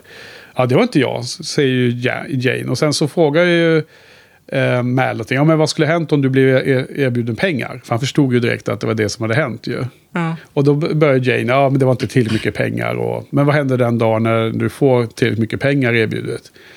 That will be a interesting day, eller vad han säger. Kommer du ihåg den dialogen? Ja. Det, det är liksom starten på den här vingliga relationen de har. Som jag, jag, jag också tycker att de förstärker i sådana här små scener. Det är därför de här små scenerna som den vi nu, just nu pratar om med Badger, liksom adderar till... Den blir värd något mycket mer för att det är liksom en, ett, en del av ett flöde av flera sådana här scener som, blir, som bygger på. Jo. Och kommer leda fram till någon... Jag tycker, jag tycker, det, jag tycker både, båda, ni båda är, att det är Ja. intressant. Liksom. Ja. Men alltså... ja. Nej, vi behöver inte värdera vilket Det- var bäst. Ja, men din, nej, men din var ju 9 av 10 och deras var kanske 6 av 10. Men det är intressant att den kan vara må- mångbottnad. Ja. Att, eh, att en sån liten th- throwaway eh, line kan betyda så mycket för Ja. serien. Ja, för, för just det här skämtet i slutet, alltså det som Joss gjorde bättre från Jane, det, det tycker inte jag var det viktiga i scenen utan det var eh, hur de beter sig under hela den här förhandlingssituationen, om man säger så. Nej. Men samtidigt så tycker jag att det är jätteviktigt. Jag har börjat kolla på eh, Sabrina, tonårshäxan nu, Ja, som går på Netflix. vadå, är det ny, nya serier? Ny serie som Ja. är en spin-off på Riverdale.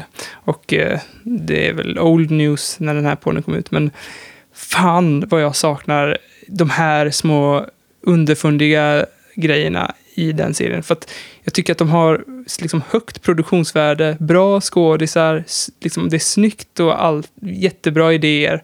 Men det är så tråkigt att kolla på den när det är noll humor. Och det är, en, och det är liksom det är uppbyggt för humor. Det, jag kan spoila en grej som Ja. händer, för det, är, ja, det är, har ingen betydelse för handlingen. Men hon har ju två mostrar, eller vad det Ja. heter, som heter Hilda och Zelda.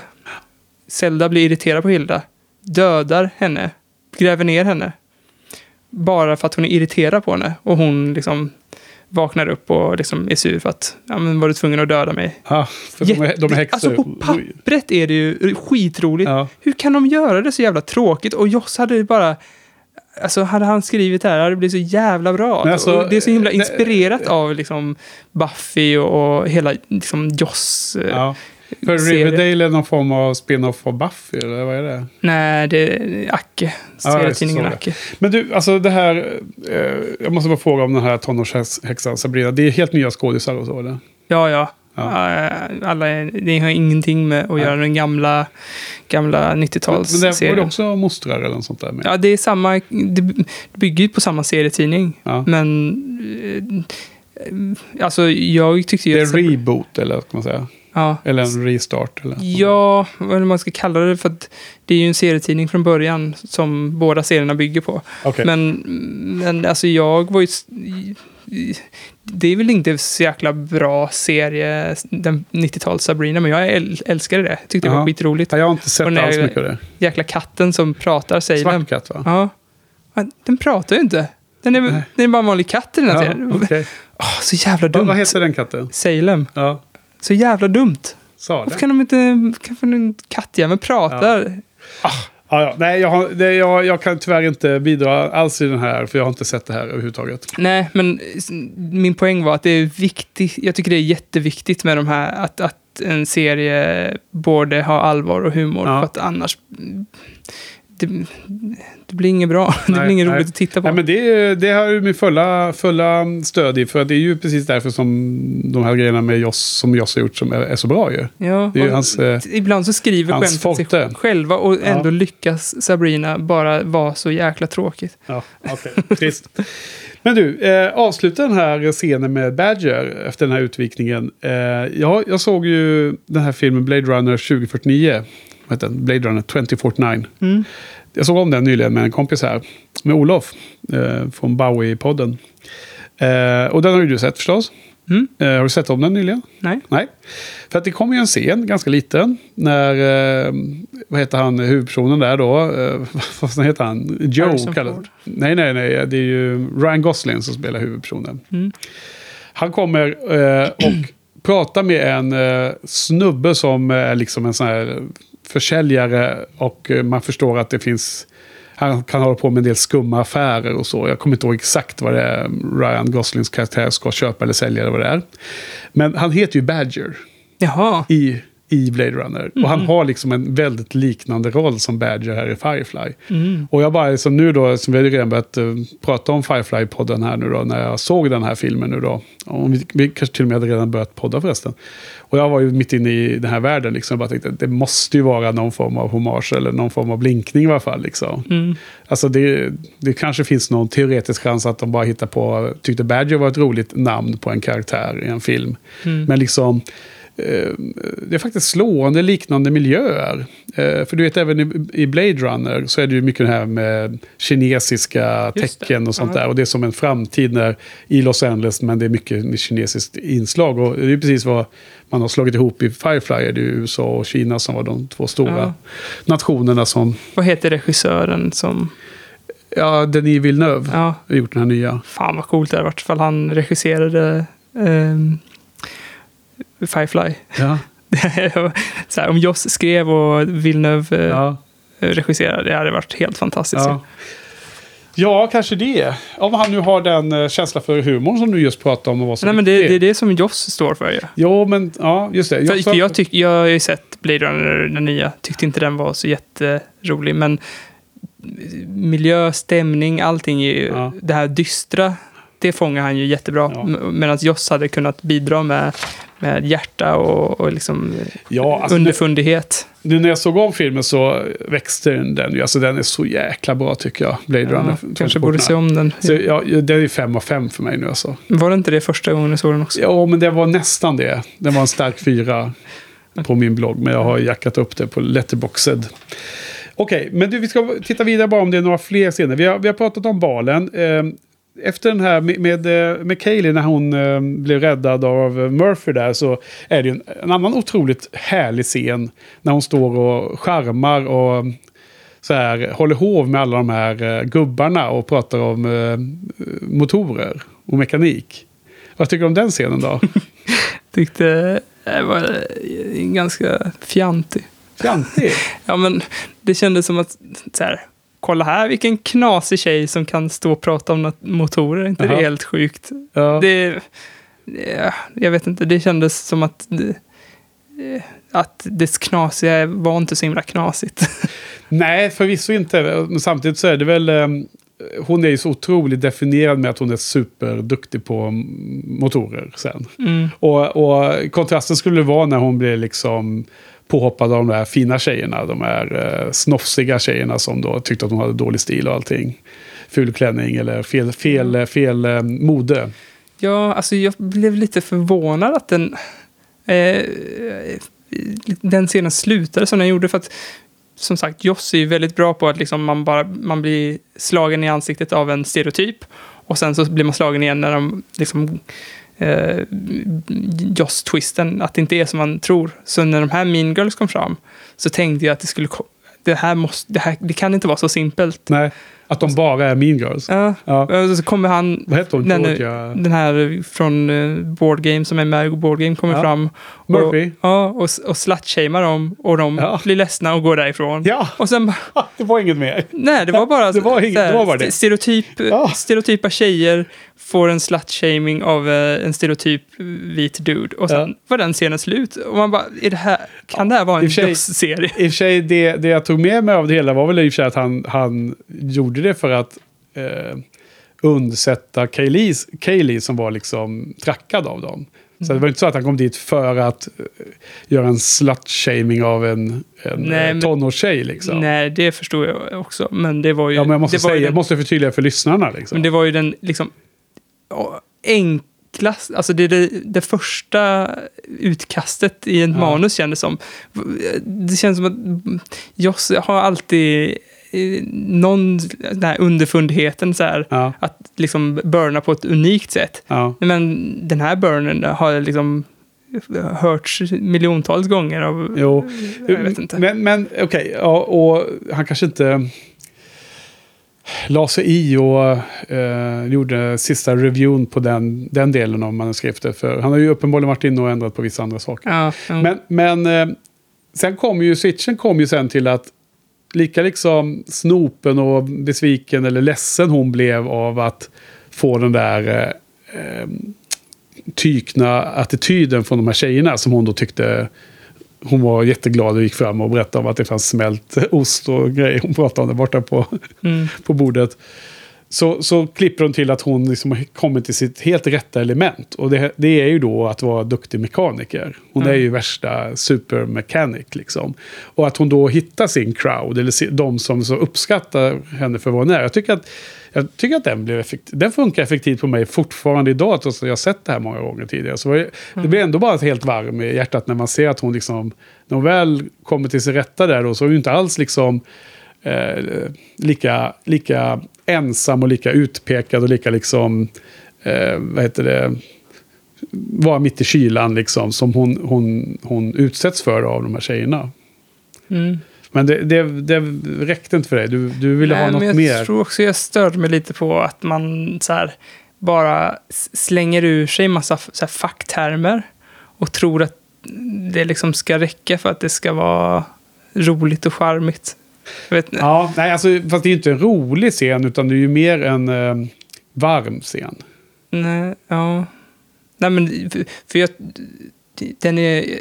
må- Det känns som att det händer många gånger i just det här avsnittet. Att, att dialogen var utformad som liksom en punchline som inte var rolig. Och även om du kanske tolkar den här scenen rätt nu då, att den skulle vara varm och härlig, så kändes det som att det var massa punchlines som inte var roliga bara. Eh, tyckte jag. Ja, ja. Nej, men det, det verkar ju jättetrist att... um, om det, då, då är det något fel med scenen om, om, man, om du uppfattar den så. Men jag tycker inte det finns några punchlines där alls ju. Alltså hon... Hon, hon, är, hon är bara jäkligt vass på sitt ämne och det, det fattar Murphy och vissa av de andra. Och, och sen kommer det fram en ung kille och vill ha en dans med henne. Men liksom, nej nej, vänta nu, liksom, låt henne prata klart. De, de ser ju henne för en expert på det område som de är intresserade av. Mm. Och det fanns inga punchlines i det, utan det var bara att det var sån otrolig lättnad att se att hon hade kommit till sin rätta från att ha stått framför de här fyra tjejerna liksom och blivit eh, förnedrad. Ja, det är intressant hur olika man kan se samma scen. Ja, var- ja, ja Eh, verkligen. Men, men eh, jag just- såg inte det som den, att det skulle vara någon slags... Att det hon gjorde var att hon var fyndig och rolig i första hand. Utan det var mer att hon var i sitt esse mer liksom. Hon var i sin rätta element. Mm. ja, olika uppfattat. Jaha. Ja, Verkligen uh, udda. Eh, Inte udda, men eh, det kan vara... Man kan se det så olika. Ehm, sen då, själva... Jag kommer ihåg att förra veckan så var det väl så... Eller om det var förrförra så diskuterade vi lite att, att eh, lika bra som vissa specialeffekter och kanske hela världsbyggandet var så var det lite så här svaga actionscener, va? tyckte du va? Mm.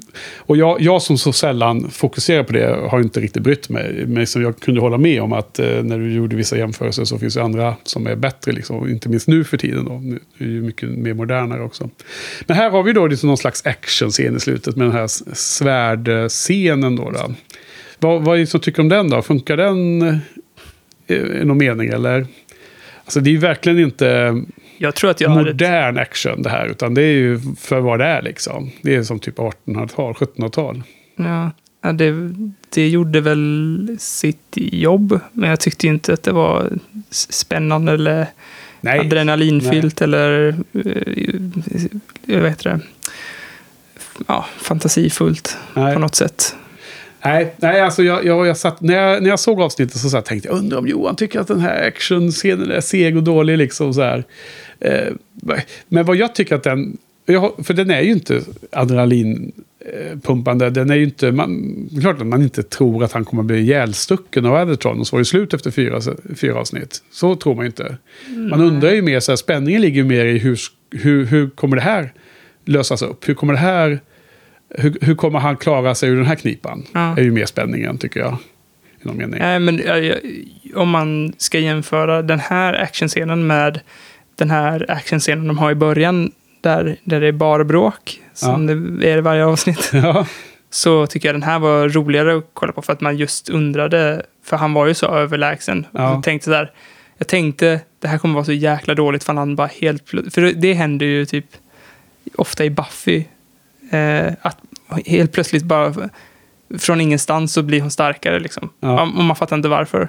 Men här var det ändå eh, att fighten blev intervenad av Inara och Ja. att det fick en rimlig upplösning. Inte bara att han fick eh, någon eh, insikt från ingenstans och kunde hantera ett svärd. nej. Vilket kändes jäkligt bra. Ja. Men eh, ja, den här actionscenen i början, den var ju bara ja, standard. Kasta Ja. varandra över bardisken. Ja. Skittråkig. Ja, det, det var så besh- förbryllande att de i den här podden, eh, eh, som både du och jag lyssnar på nu då, eh, de tyckte att den här barscenen, eh, actionscenen i baren i början var så fantastiskt bra.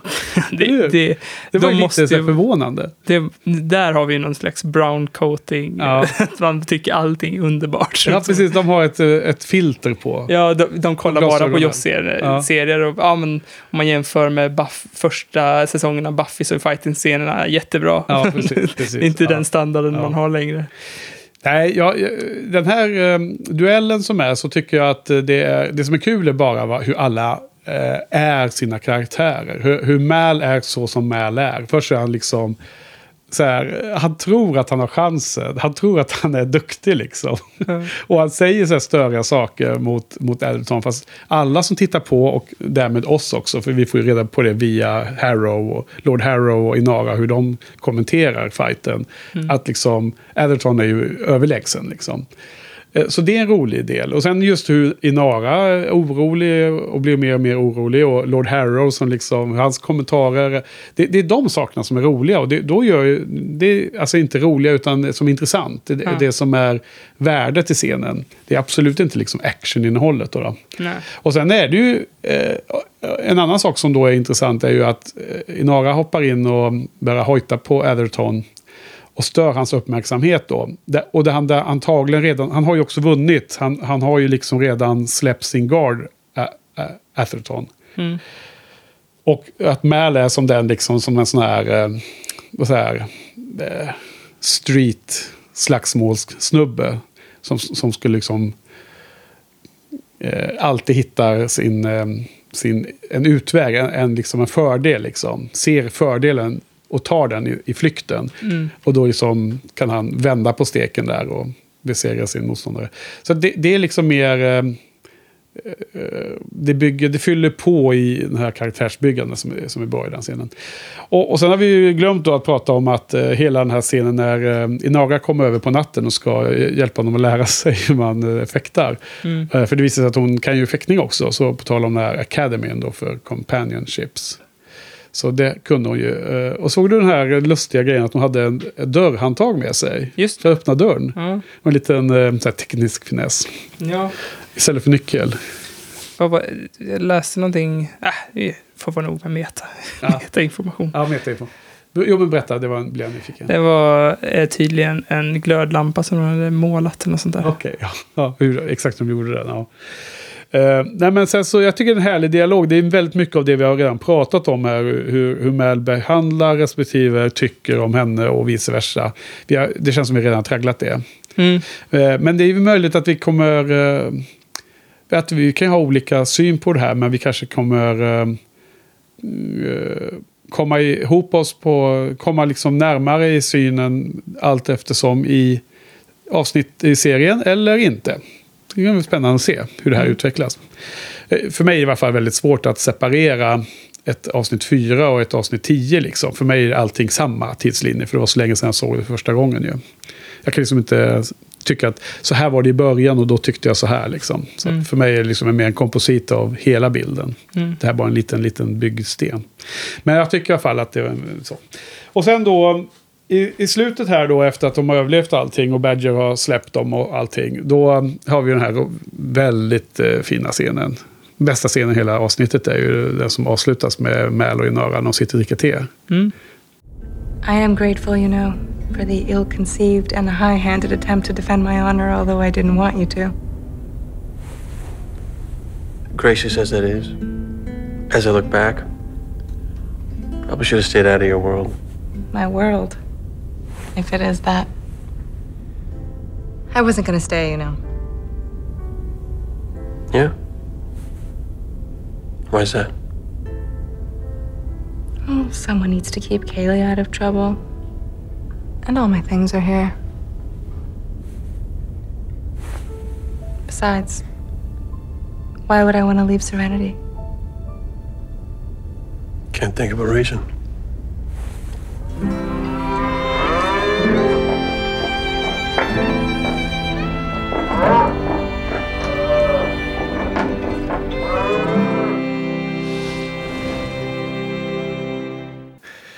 Efter allting har skett och de eh, pratar med varandra nästan så att de kommunicerar.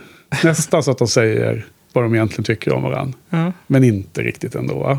Nej, men de eh, skojar lite med varandra. De kommer överens i alla fall. De är, de är väldigt avslappnade och de är väldigt mysiga, härliga med varandra. Mm. Tycker du om scenen? Ja, den är helt okej. Den är helt jag, För mig är det bara... eh, eh, jag blir superblödig när jag ser den här scenen. Jag tycker den är eh, eh otroligt härlig. Ehm, men det är klart att det blir svårt här nu om man ska... Man kan inte prata så mycket mer om det för då blir det mer eh, referenser till framtida händelser och, och, och känslor och så runt om. Så att det blir väldigt snabbt spoilerigt. Så jag får bara säga att jag älskar scenen. Och, och sen är det lite roligt här då hur de har fått den här eh, frakten då för Lord Harrow, den här olagliga frakten. Och så zoomar man ut sen så ser man att de sitter där ovanför The Cargo Bay och där nere är det massor med kossor då. Så jag tycker det är lite roligt. Ja. Ja, de var helt tysta i början. det är lite så. Jag tänkte också spela, vad fasen är koljuden? Men i alla fall. Och då är det så här heavy load som vi har i spelet också. Den kostar dubbel fuel. Ja, det var det du menade med ditt eh, mess. Ja, vadå? Skrev jag heavy, heavy load? Ja. Ja, men du vet väl, kommer du ihåg heavy load från spelet? ja, det kommer jag ihåg. Jag kommer inte Ja. ihåg från vart det skulle vara ifrån avsnittet bara. Nej men det är ju här, eh, det är ju här och, och jag, vi har haft lite diskussion jag och Frans om den regeln. För att jag tror att vi har spelat med att man kan köra flera heavy load. Men jag har, eh, om inte annat så ska det bli ett eh, house rule i alla fall här. Att man kan ha max en heavy load igång. Därför att det är ju precis som i eh, avsnittet. Alltså en heavy load betyder att helt fullt med kossor överallt. Det går inte att ha dubbelt så många kossor. Så här många kossor fanns det plats för liksom. Medan när man fraktar en, en låda, då kan man liksom ha, man kan ha två eller fyra eller 16 lådor, för de får plats där inne i de olika skrymslena ändå. Men hur funkar Heavy Load? Är det, är det ett uppdrag som heter Heavy Load? Eller? Eh, det funkar, oftast är det Lord Harrow i spelet, precis som här. Och då så står det att det står som en extra information. Du ska frakta någonting och så står det Heavy Load. Och så betyder att du får betala dubbelt så dyrt för uh, fuel hela tiden. Och eh, skeppet SS Walden har ju, eh, det är ju, eh, den påverkas inte av Heavy Load. Så där behöver man inte betala extra eh, fuel. För det är ju dess, eh, det är en av fördelarna med det här skeppet. Men vad menas med dubbel Heavy Load då? Nej, men precis. Men det är, jag tror att det är en otydlighet i reglerna. Eftersom det är så himla komplext det här spelet som du vet så finns ju en hel del eh, gråzoner där, man, där det inte står exakt i den här eh, regelboken. Exakt hur regeln är. Men, så jag tror att man måste liksom tänka in och tolka hur var det i, i serien. Och då, då tror jag att svaret på den frågan är att man kan inte ha två stycken heavy load. Men man, eh, på vilket sätt skulle man kunna ha två Heavy Load? Ha, köra två jobb samtidigt. Som ha, har Heavy Load som... Som båda har heavy load, ja. Okej, så det finns flera Heavy Load? Det, finns, ja, men det, är, det är inte ett jobb, utan det är en eh, aspekt av ett fraktjobb. Om, om, om det är en em, stor mängd varor man ska leverera så står det att det är heavy load. Det är som en extra information. En extra bi-information på jobbet. Okej. Så det finns massor med jobb. Nästan alla Lord Harrow-jobb är ju heavy load-jobb. Men då, då är det rimliga att tolka det som att man kan bara köra ett åt gången. För att man har fyllt upp hela sin cargo. Ja. Cargo bay. Då är jag med. Då är alla med på Ja, precis. spel också. Så ehm, Ska, ska jag fylla på med saker som vi har sprungit förbi då kanske? Ja. Det finns ju en scen där, eh, där eh, Summer River ja, eh, blir tokig och river av etiketterna från massa konserver och Book säger att de får äta mystery meals och sådär. ja, Och där sitter också de som är kvar på Firefly och spelar ett påhittat pokerspel just det. som, eh, ja, eh, som Jane Espenson har hittat på. Men, ja, som är väldigt så här, expo, expositionsaktigt. Att de så här, det här kort, nu lägger jag det här kortet. Ja, det där, det där låtsasspelet, eh, man får inte se hur det hela spelet är, men de, för att visa att det finns regler så gör de det väldigt övertydligt. Och det, Ja. det är kanske lite dåligt regisserat va? ja, och det är nästan på det är gränsen till liten detaljer också. Han Solo. De, där, I solofilmer har de också Ja. någon sån här custom pokerspel. Ja, just det. Och Your name will be Solo. Eller hur? Den scenen. Ja, ja, men hela solofilmen var ganska dålig i och för sig. Ja. Men, men eh, ja, Tyvärr, tyvärr. tror du att det går att spela det där kortspelet på riktigt? Ja, alltså jag hade ingen aning, men äh, återigen till den här podden som... eh, där säger de att det fin- fanns ju regler utskrivna för det där. Ja, Eh, Så att man gjorde regler för det när man skrev det här avsnittet. Och det fanns på någon eh, Firefly-webbsida förut, men eh, det var Jaha. oklart om de låg kvar där. Men det, det ska ha funnits regler för detta spel, ja. är lite... Han spelar ju någon plommon där, va? Någon spelar plum. Ja, just det. Det var runda kort och så var det verkligen som att det var grönsaker eller frukt och sånt på. Var det det? Mm. Ja, för att jag kommer inte riktigt ihåg det, men i, i kompendiet så har de så här bilder på Ja. eh, att de hade köpt, i Kina hade de köpt så här plåtkort typ. Ja. Som de hade liksom ruffat upp lite, som de använde. Men de var inte, de var inte, eh, vad heter det? De var inte runda? Nej. Eller? Okej, ja, de hade liksom rundade hörn, men Jag kanske såg fel. Men det var ett var plommon jag för mig att det var. Det var någon form av sån typ. ja, Frukt och grönt. ja. Det, det är intressant med sådana här spel som tittas på i, i Låtsasvärldar. Ja, att, att, att de liksom, det hade varit roligt ifall det var ett riktigt, ett, ett riktigt spel man kunde Ja. spela. Som ett Ja. minigame i Firefly Absolut, sen. man skulle kunna Det spela kanske- det. Det är inte det, nej. Det hade varit roligt ifall det var ett minigame. På, på brädspelet? Ja. ja. Men vi måste försöka fiska upp det där spelet. Så se om man kan eh, hitta det. För då har säkert någon eh, fixat alla korten och gjort sån där. ja, Tror du inte det? ja, precis. För typ i Adventure Time så spelar de något som heter Card Wars. Och det kom ut som ett riktigt spel sen, som påminner typ om Magic eller Pokémon. eh, Ja. Men vad är. Adventure Time för något? En tecknad serie med Ja. Finn the Human och Jake the Dog. Okej. Du känner säkert igen om du... Nej, Cartoon. Network. Ja, ja, men det är så här absurd, lite kultstatus på den. okej. Lite som... Eh, det är ju för barn, men det har fått nästan lite samma status som eh, Rick and Morty. Lite s- absurt, men lite barn, mer barnvänligt. Ja. Ganska, ganska roligt. Ja, Men eh, ja, den har ju fått bra kritik, det. Card Wars. Så det kan man ju Okej. kolla upp. Men eh, eh, det här utbrottet som River får. just det. Vad, vad, du som har mer information, eller kommer ihåg bättre. Det är inte samma sorts utbrott som man brukar få. Alltså hon brukar ju få så här förnimmelser och sånt där. Men här är det mer att hon bara går crazy. Betyder det någonting? Nej, alltså... Jag kan nog hålla med om att, att hon är liksom väldigt eh, dåligt hanterad här i början på det sättet att, att hennes story tar sig inte framåt. Utan den är väldigt mycket trampa vatten. Mm. Och alltså dels så får vi se henne att hon vaknar med mardrömmar. Och, och det är ju fine. Liksom. Hon har ju så här PST, eller vad heter det? Post... Eh, stress... Eh, trauma. Vad, fan, vad heter det? Jag vet- det något sånt. PTS eller?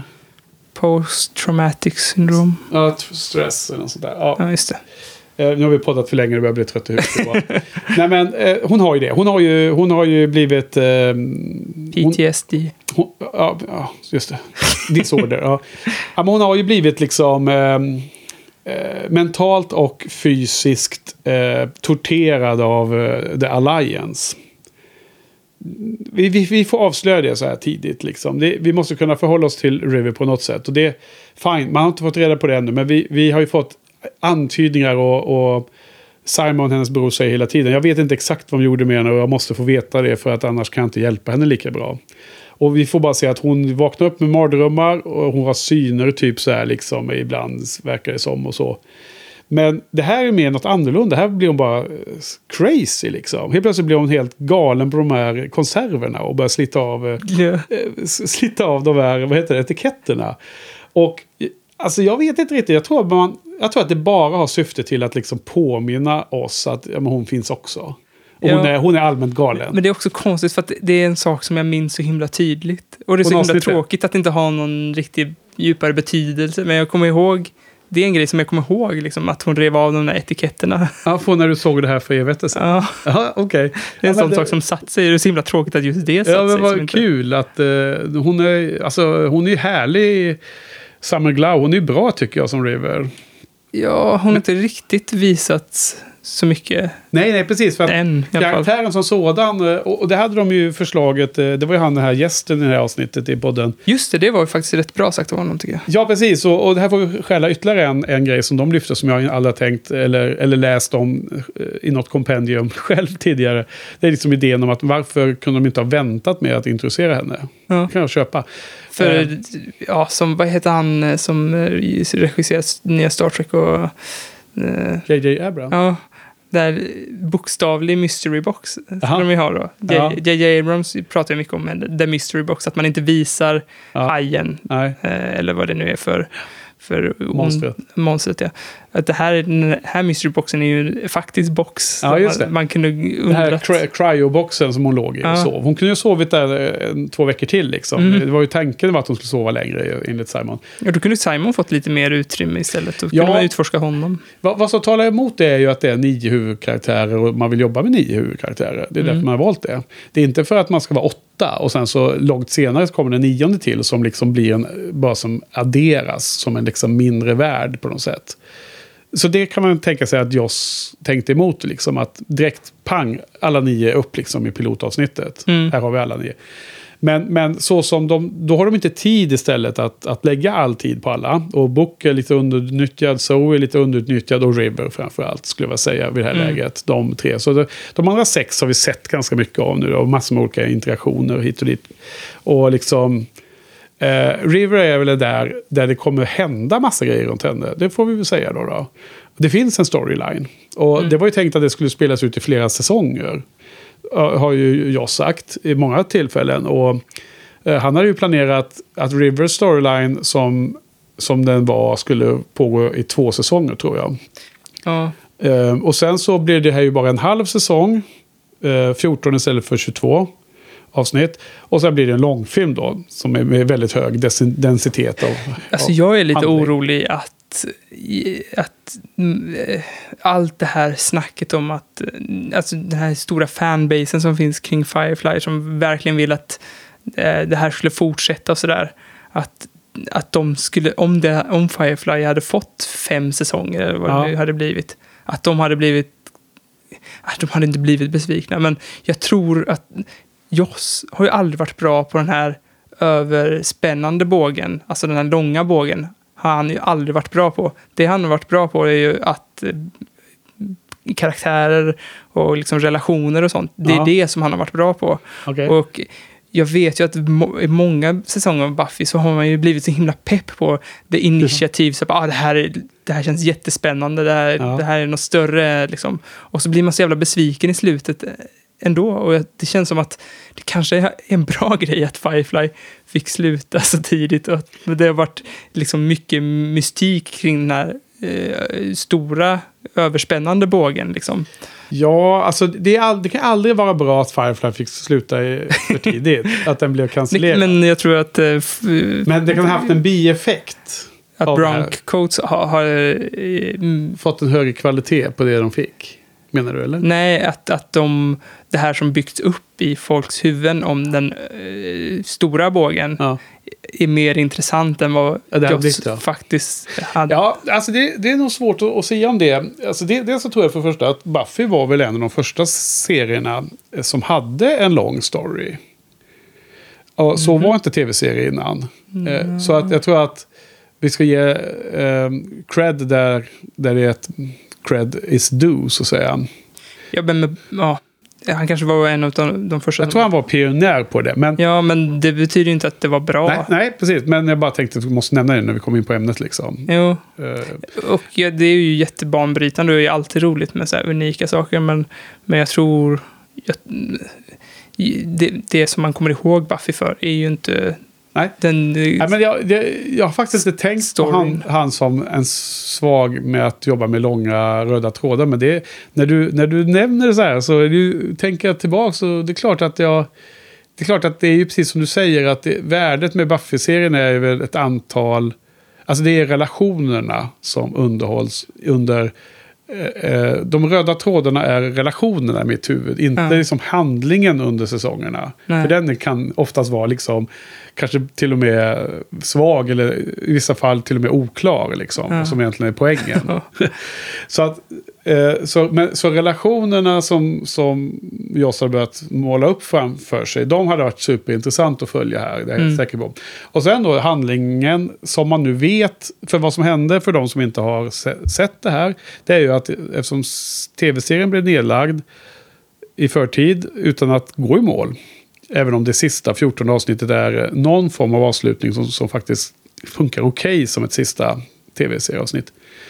Ehm, men det var aldrig tänkt som att vara det avslutningen, då, långt därifrån. Nej. Men då fick han ju chansen att göra en långfilm istället av Universal, så, på ett annat bolag. Och han, gjorde ju, han, han knöt ju ihop storyn. Så han gjorde ju filmen med tanke på att det kan vara så att det bara blir en film.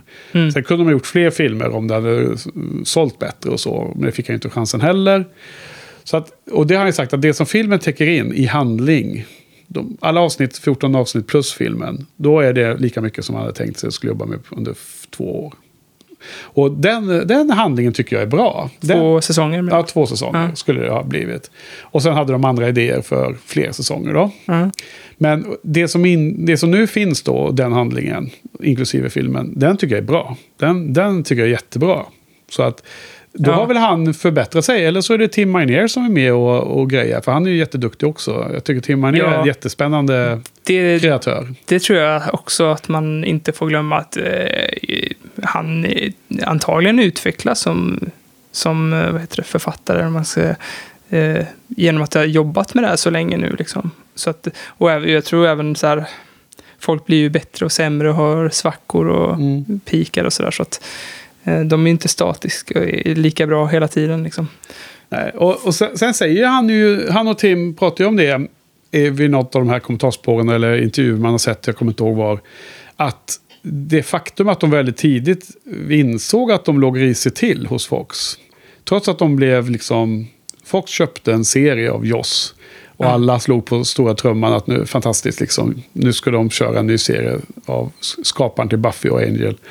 Och ändå så kände de ganska snart att det var liksom risk att de skulle bli cancellerade. Och det hade effekten att de tog de bästa idéerna och försökte sätta dem i verket med en gång.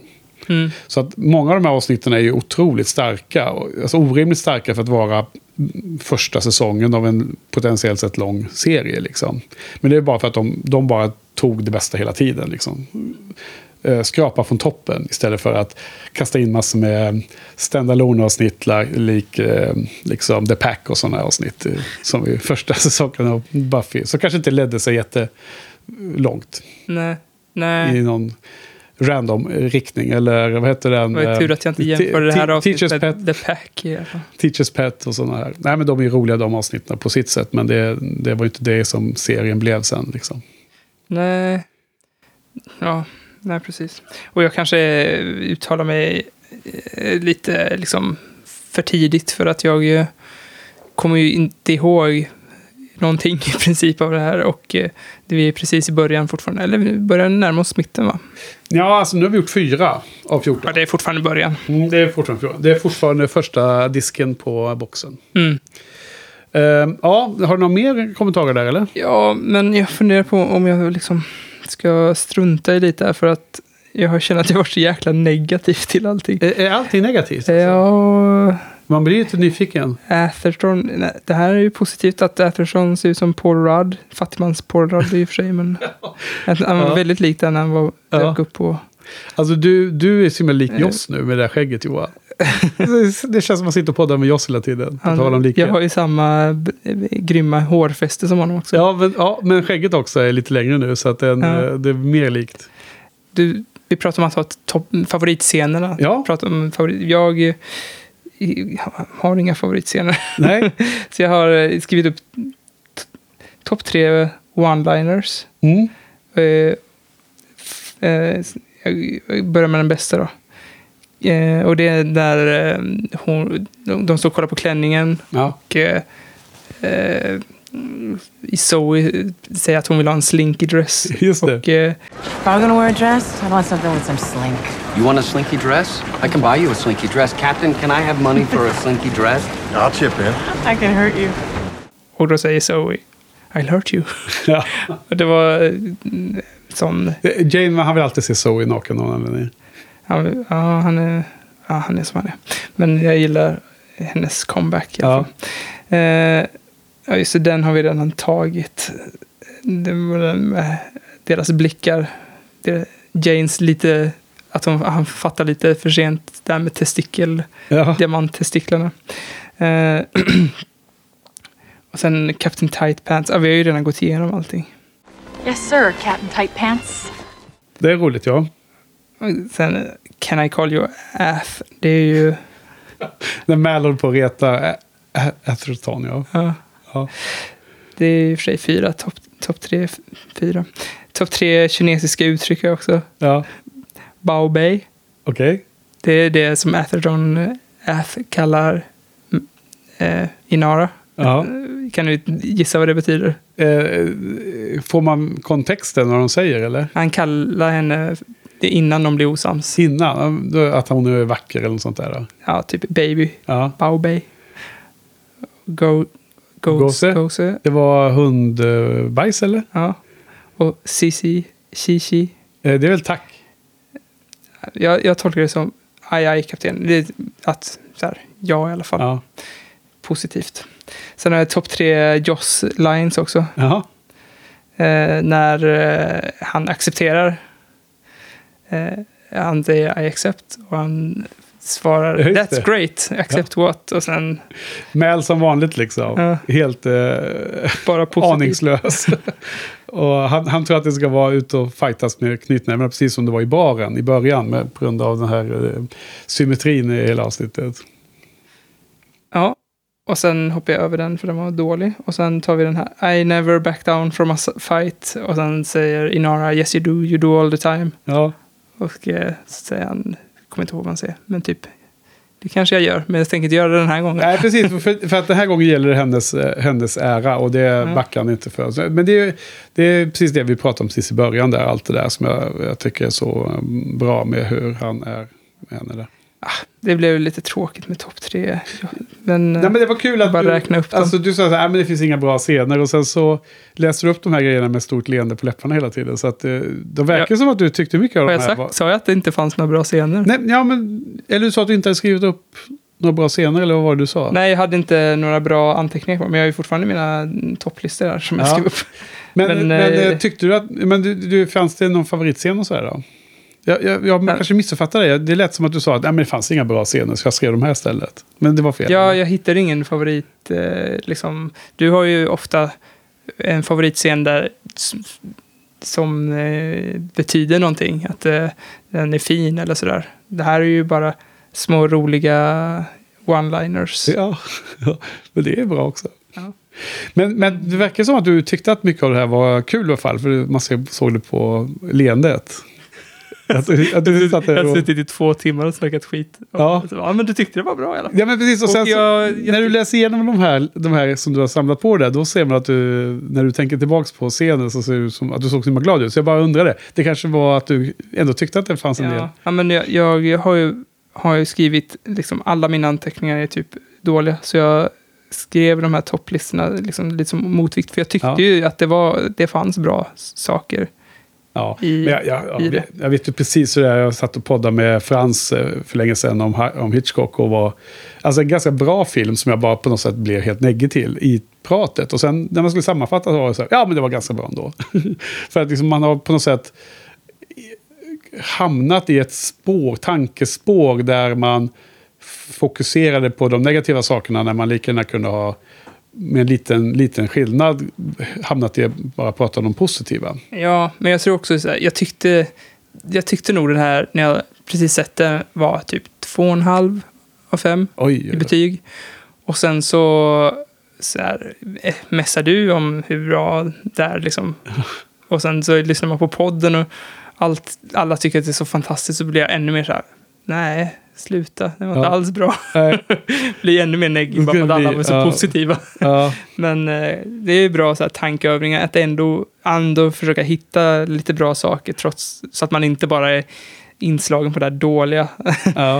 eh, och, ja, jag hade ju topp tre, men jag har ju skrivit upp sex stycken one-liners. Liksom. Eh, så eh, de sista är Mercy is a mark of a great man. Guess I'm just a good man. Well, I'm alright. Ja. Han har pokat honom med svärdet. Och sen det sista som händer typ är där i svärdsfighten. är ju, See how I'm not punching him. I, I've grown already. Ja. Det känns så jäkla jossy. Alltså Ja. språket är så jossigt. Och, och, och däremellan så är det mm, Inaras liksom eh, mer dramatiska lilla scen eh, där eh, Atherson hotar henne med att hon aldrig mer ska få jobba, hon ska få svälta och sen hon gör Ja. värsta... Det är inte riktigt så det funkar i den här världen. Det, Nu kommer jag föra in ett svart mark här i, våran bok och du kommer aldrig mer kunna hyra en companion liksom. ja. Och, och det här Lord Harrow säger, ja, så liksom, sorry eh, grabben, nu måste du leva på din vinnande personlighet när det gäller att få, få brudar liksom. Ja.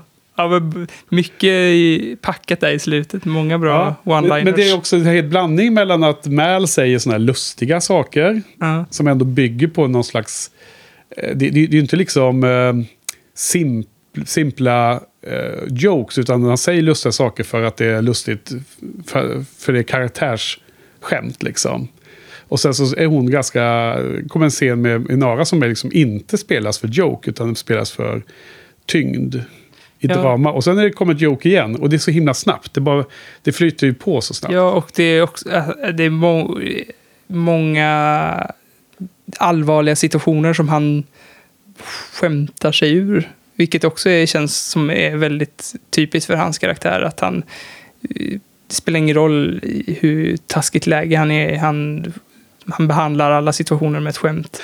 Ja, nu har de väl fått order från Fox att eh, huvudpersonen skulle vara mer gladlynt och inte lika dyster som de var i den första versionen.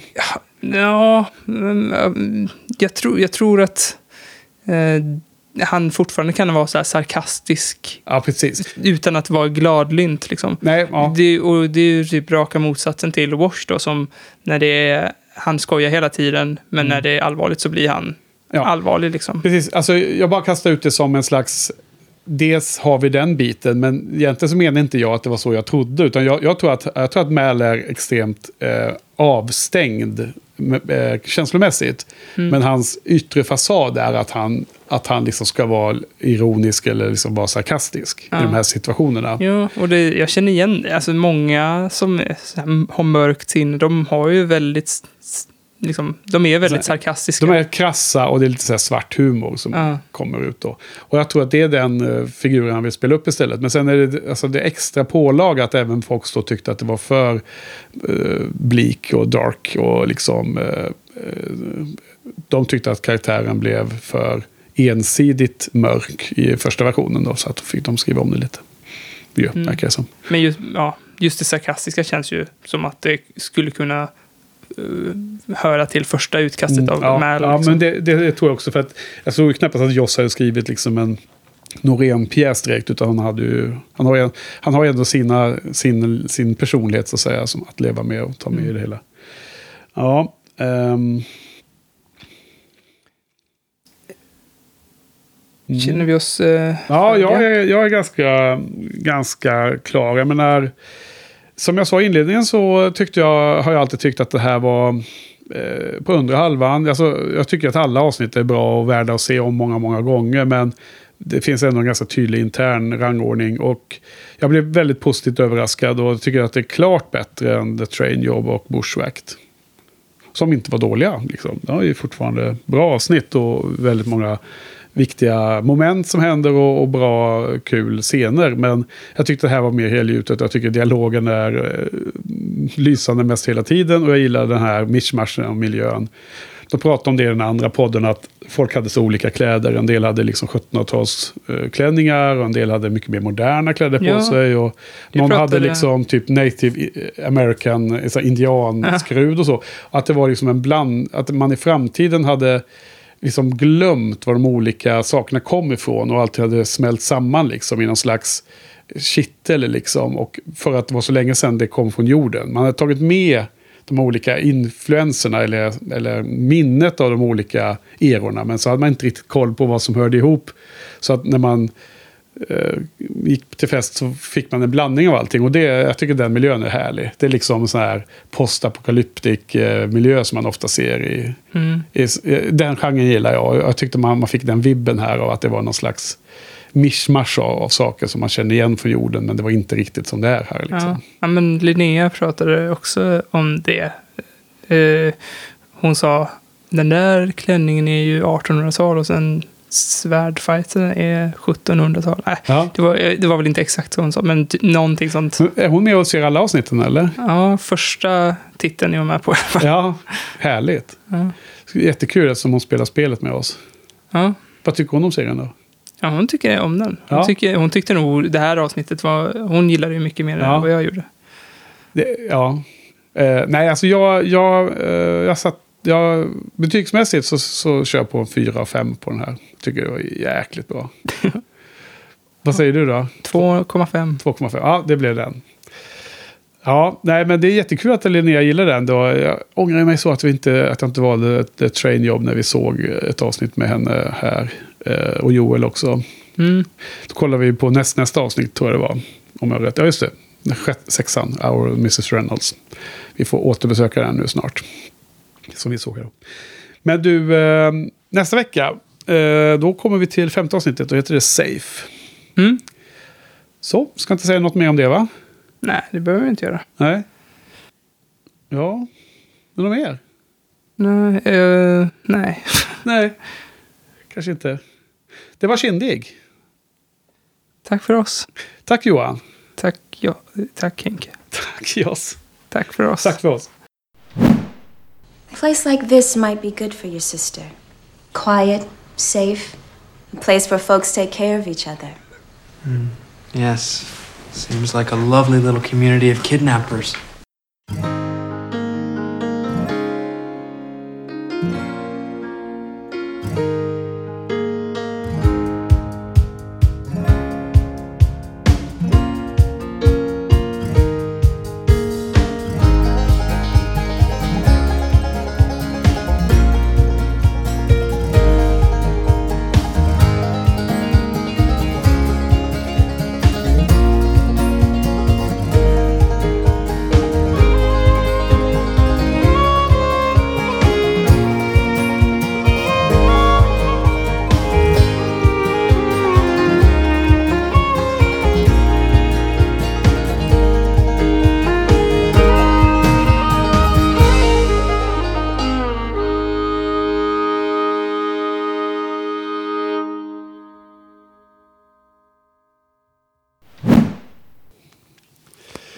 Men det är lugnt.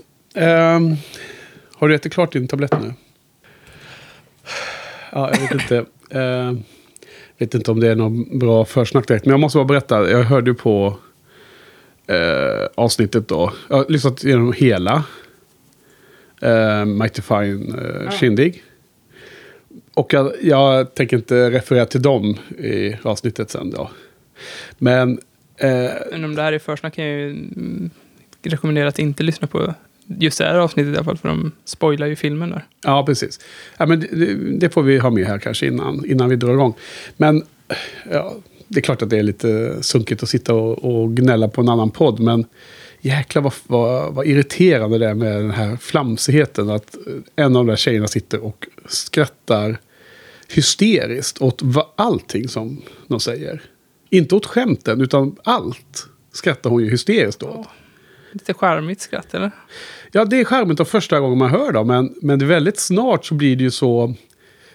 Hon gör det på precis hela tiden och då blir det ju väldigt ocharmigt. Plötsligt. Alltså hon, är, hon verkar vara extremt egocentrisk, den personen. Eh, ja, men det, det är liksom helt... Hon, har, hon liksom verkar inte bry sig minsta om omgivningen. Hon, bara, hon, hon kan inte höra vad folk fortsätter att säga. För att hon ska bara ge ett, ett så här hysteriskt skratt. Liksom. Det, det, det är som att hon vill leverera det. Ja, jag tror inte jag tänker så mycket på hur det skulle vara att liksom umgås med henne. För att hon är ju bara någon som bara gapskrattar då och då. Ja, Känner men det, det är liksom, helt plötsligt så, när det slog mig att hon måste vara väldigt så här narcissistisk på något sätt. Eh, Hon måste ha, för henne måste liksom allting eh, cirkulera runt att hon tyck, eh, ska liksom få visa att hon tycker det är roligt. Det är liksom det viktigaste. Inte att delta i samtalet eller bidra eller att lyssna in och så. Utan så fort de säger någonting om, om, om showen, något citat eller bara något statement, så skrattar hon läppen av sig. Vad de än säger. Ja, alltså jag kan förstå vad du menar. Men det känns också som att du har någon slags trauma och kanske känner någon sån här person och liksom associerar henne till den personen som du känner. Eller något sånt. För att jag, jag förstår vad du menar, men jag har inte alls samma kraftiga känslor som du har. Där, Nej, nej, kraftiga känslor. Det är bara det att det, det blir som inte njutbart att lyssna på. Det blir väldigt synd, för att emellan hennes hysteriska skratt Ja. eh, så är det ju intressanta eh, saker de säger. Ja, ja, men eh, jag vet inte, jag stör mig inte lika mycket på det. Det är klart att man kan tona ner skratten lite grann, säkert. Men eh, något som jag stör mig på var, eh, alltså jag lyssnar ju på Dastard och eh, Storywonk, Alistair Stevens podcasts. Och jag blev bara påmind om vad det var jag inte gillade med hans podcast. Och det är ju typ att han reducerar ner allting till någon slags Excel-ark. Du pratade om innan off mic att eh, han hade någon sån här teori om att de här femmannagrupperna som han Som- kör med. Så han, han tyckte Buffy var det ex, eh, exempel på. Ja, Ja. exempel. Ja. Ja, de hade massa exempel där.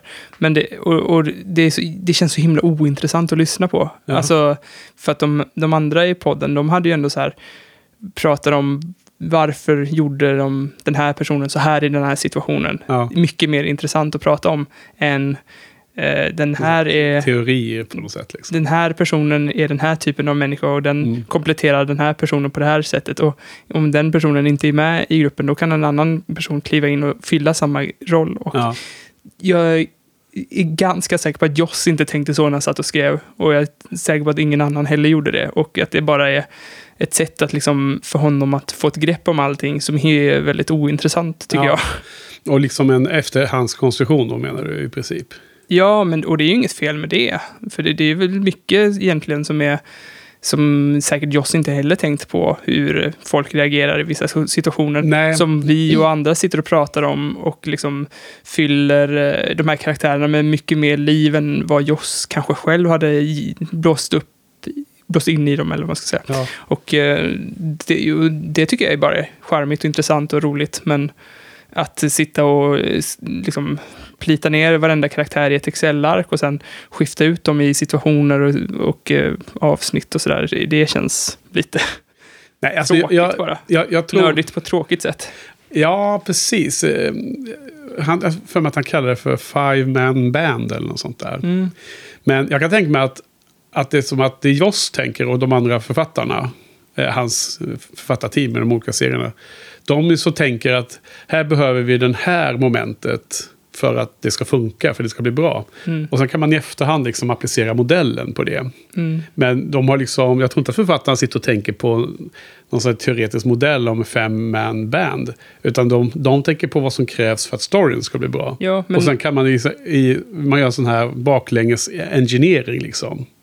Så kan, de, kan man engineera ihop den här modellen på något Ja. sätt. Tror du inte att det är så? Jo, men så är det verkligen. Men också att eh, eh, det vi pratar om, för, jag kanske de pratar om det i Mighty Fine Shindig också, att eh, de här olika karaktärerna representerade del av en Mals personlighet som han hade förlorat. Det känns ju som en mycket mer intressant eh, eh, teori att prata om än hans jäkla Excel-ark. Ja, ja precis. Nej, men, Eh, men där kanske vi har din eh, baneman då, där du har någon, eh, något trauma där du inte gillar hans eh, approach på det. För jag, jag tyckte i och för sig att det var okej det han drog. Jag, lyssnade om men, på det. Men du, du gillar ju däremot att placera så här, topplistor och liksom rangordna. Ja, det passar och, mig bättre. Ja. Ja, jo, förvisso. Jag tyckte i och för sig att det var intressant att eftersom det är inte fem karaktärer, utan det är ju nio här. Ja, och, och det, det, det var då han menade att man kunde, om någon liksom steppar ur det här gruppen så kan någon av de här runt omkring liksom kliva in och ta deras plats. Ja, precis. Och det var ju så himla enkelt. Ja, men eh, ibland är det den och ibland är det den. Och då var det så som att ja, men då är det ju inte alls, ja, alls en klockren modell. Utan då är det bara någonting som allting går att anpassa. Och så säger man att modellen funkar. Så att det var ju inte så jätteklockrent ändå. Då. Nej, Och, och även när han drog exemplet med Buffy så var det så här, ja, ibland är det Willow, men ibland är det Mr. Giles liksom. Ja. Och då var det så, okej, ja, ja, okej. Det var som en, en modell som blir självuppfyllande. För att den funkar bara på... Men, men i alla fall, eh, det jag kände när jag lyssnade på hon, eh, eller på hela deras snack, och framförallt med hon som höll på att skratta så eh, forcerat och så överdrivet och så, som jag då eh, fastnar i att det blir liksom så eh, dominerande i, det, i, den, Ja. eh, i det man hör i podden. Ja, men det är också så, det har jag märkt när man går på bio och man börjar störa sig på någonting. Och då kan man, liksom, då kan man inte sluta störa sig på det. ljud som stör eller så. Ja. Det- Jo, men det, det är väl... Det, är väl, det finns en del, en del moment av det i det i det här också. Men jag tror också att det är lite mer än att det bara är ett störande ljud, liksom att något knastrar. Utan det är liksom... Det blir en så dominerande moment i deras eh, performance. Liksom. Det, de är ändå fyra röster i det här avsnittet som jag lyssnar igenom nu. Då. Mm. Och, och det är som en viktig person som är en av hostarna, om man säger så, som hela tiden på något sätt bryter allt intressant snack med att hon ska gapflabba. Men, och jag hade en poäng också. Ja, men, förlåt, säg- jag men bara, säg- nej, kom till poäng. Jag Ja. bara avbryter hela tiden. Jo, för min poäng är att jag blir liksom så himla ledsen. Därför att jag börjar då uppleva hur jag tror att sådana som blir trötta på browncoats upplever det. Ah. När, du vet att, att liksom browncoats eh, fans till Firefly-serien för övrigt, för de som inte känner till begreppet. De kallas för browncoats, precis som jag menar, Trekkies heter väl eh, för Star Trek och så vidare. Va? Och, liksom, och då har de nästan fått ett dåligt rykte för att de är för entusiastiska. För liksom eh, på och försöker sälja in Firefly. Och då har jag alltid liksom tyckt att, jag menar, eh, det är väl okej, de är jättehärliga och sådär. Och, men nu kan jag helt plötsligt skönja hur det kanske är att stå på utsidan och, och inte vara en, en fan av serien. Och liksom känna det här liksom att man får lite, man tar ett steg tillbaks för att man blir lite för overwhelmed av den här hysteriska kvinnan. Ja, det var det eh, som var på min... Jag har, jag har väl en liknande känsla då, med, eh, fast med eh, den här killen i gänget. Och kanske är, är den här traumatiska upplevelsen i, som vi pratade om, kanske är det jag själv, att jag liksom känner igen ett störande grej från mig själv i honom. Att därför jag tycker att han är extra störande när han hela tiden ska slänga in fakta och, men aldrig liksom väga upp det med någon egen, eh, e någon egen tanke, utan han bara slänger in fakta hela tiden. Som jag då eh, har hört tre gånger, eller två gånger innan i, på något, ett eller annat sätt i, på Blu-rayen eller i den här kompendiet jag fick av dig. Så då, jag, jag, alltså den här... Jättefin bok, men okej, Ja, kompendie. ja, men det, den är Den- den- den- som en tjock tin, eller jag vet inte, som, som så här Veckorevyn fast tjock. Ja, den, precis. Den är inte inbunden. Nej, det är ingen hardcover. Nej, utan det är någon sån här trade paperback eller vad det heter. Ja, det, det är någon slags uppsats som du har skrivit ut på jobbet. Ja, precis. Ja, jag har ju några stenciler. Var det Nej, det, alltså den är jättefin. Förlåt. Och tre stycken. Kompendiet. Ja. Ja, men eh, eh, ja, att, honom stör jag mig mer på, att hennes Ja. skratt. För att han eh, in, inte egentligen har några egna tankar, utan bara slänger ur sig massa fakta. Ja. Och det, det är sånt jag... Det, ja, men det är väl kanske trauma från, också när, från typ eh, Warhammer som vi har pratat om Ja. förut. Att folk bara äger den med fakta hela tiden. Istället för att liksom ha, liksom. Ja, istället för att ha någon egen jävla åsikt eller uppfattning så bara slänger de fakta i huvudet på den. Ja, men man, man, man, man vill ju ha en ödmjuk uppfattning dessutom. Man vill ju liksom inte att det är någon slags tävling i varken fakta eller liksom tyckande. Utan det, det ska ju vara liksom ett sökande efter mer insikter runt ämnet tycker jag är roliga. Ja, men verkligen. Ja. Nu, nu, har jag hört, nu har jag i alla fall hört på det här som jag lovat två gånger, kändes det som. Utan att uh, fullföljt. Men nu har jag lyssnat på ett, så nu vet jag vad, hur de är. Jag tycker inte att det var jättedåligt. Alltså jag, jag kommer nog lyssna vidare på dem. Mm. Eh, Jag tycker det bara väldigt trist. eh, Att, att det liksom förtar att den får en väldigt bra liksom, podd till att, att det blir en störmoment i det. Ja. Vet inte ifall det är så jätte... Jag tycker ju det är rätt nice att, Helvete, nu spillde jag. Mm, ja, fortsätt.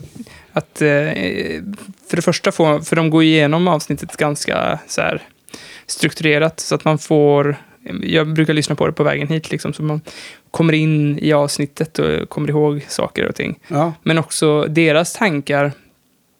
Bara att man försätter sig i det sinnestillståndet, att man tänker mycket på avsnittet. Och att man tänker från kanske ett annat håll än vad man har gjort innan. Gör att det liksom eh, uppkommer nya tankar som kanske inte har med just det de har att säga. Utan det är mer att deras and, andra vinkel gör att man tänker Ja, men vidare. sådana saker är jättespännande att få höra. Så lyckas du fånga in dem då och få ner dem i några notes eller något sånt där? Eller hur gör du? Ja, jag kör ju numera Dropbox Paper där jag kör mina anteckningar för att jag kan kryss... För i eh, Google Docs så kan man inte ha kryssrutor på ett smidigt sätt i alla fall. Så eh, det kan man göra här så att man har pratat om ett ämne kan man bara kryssa ur det så får man bättre översikt. Du, du är så, eh, så computer savvy. Lifehack om någon vill podda. Ja. In, inte som, eh, som Sofia som kommer jättesmått utskrivet eh, så här, massa A4-blad. Som, Ja, som jag har idag menar du?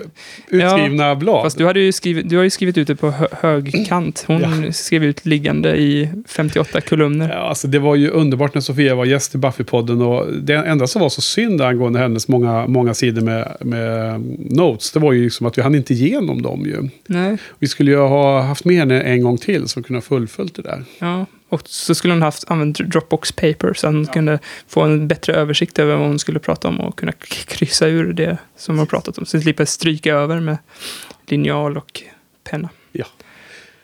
Men du, på tal om det, att uh, kryssa över vad vi har pratat om. Nu har vi, nu har vi pratat om lite podden egentligen, men eh, så det här kanske var, det, kanske, det här kanske får bli med då ändå. Då.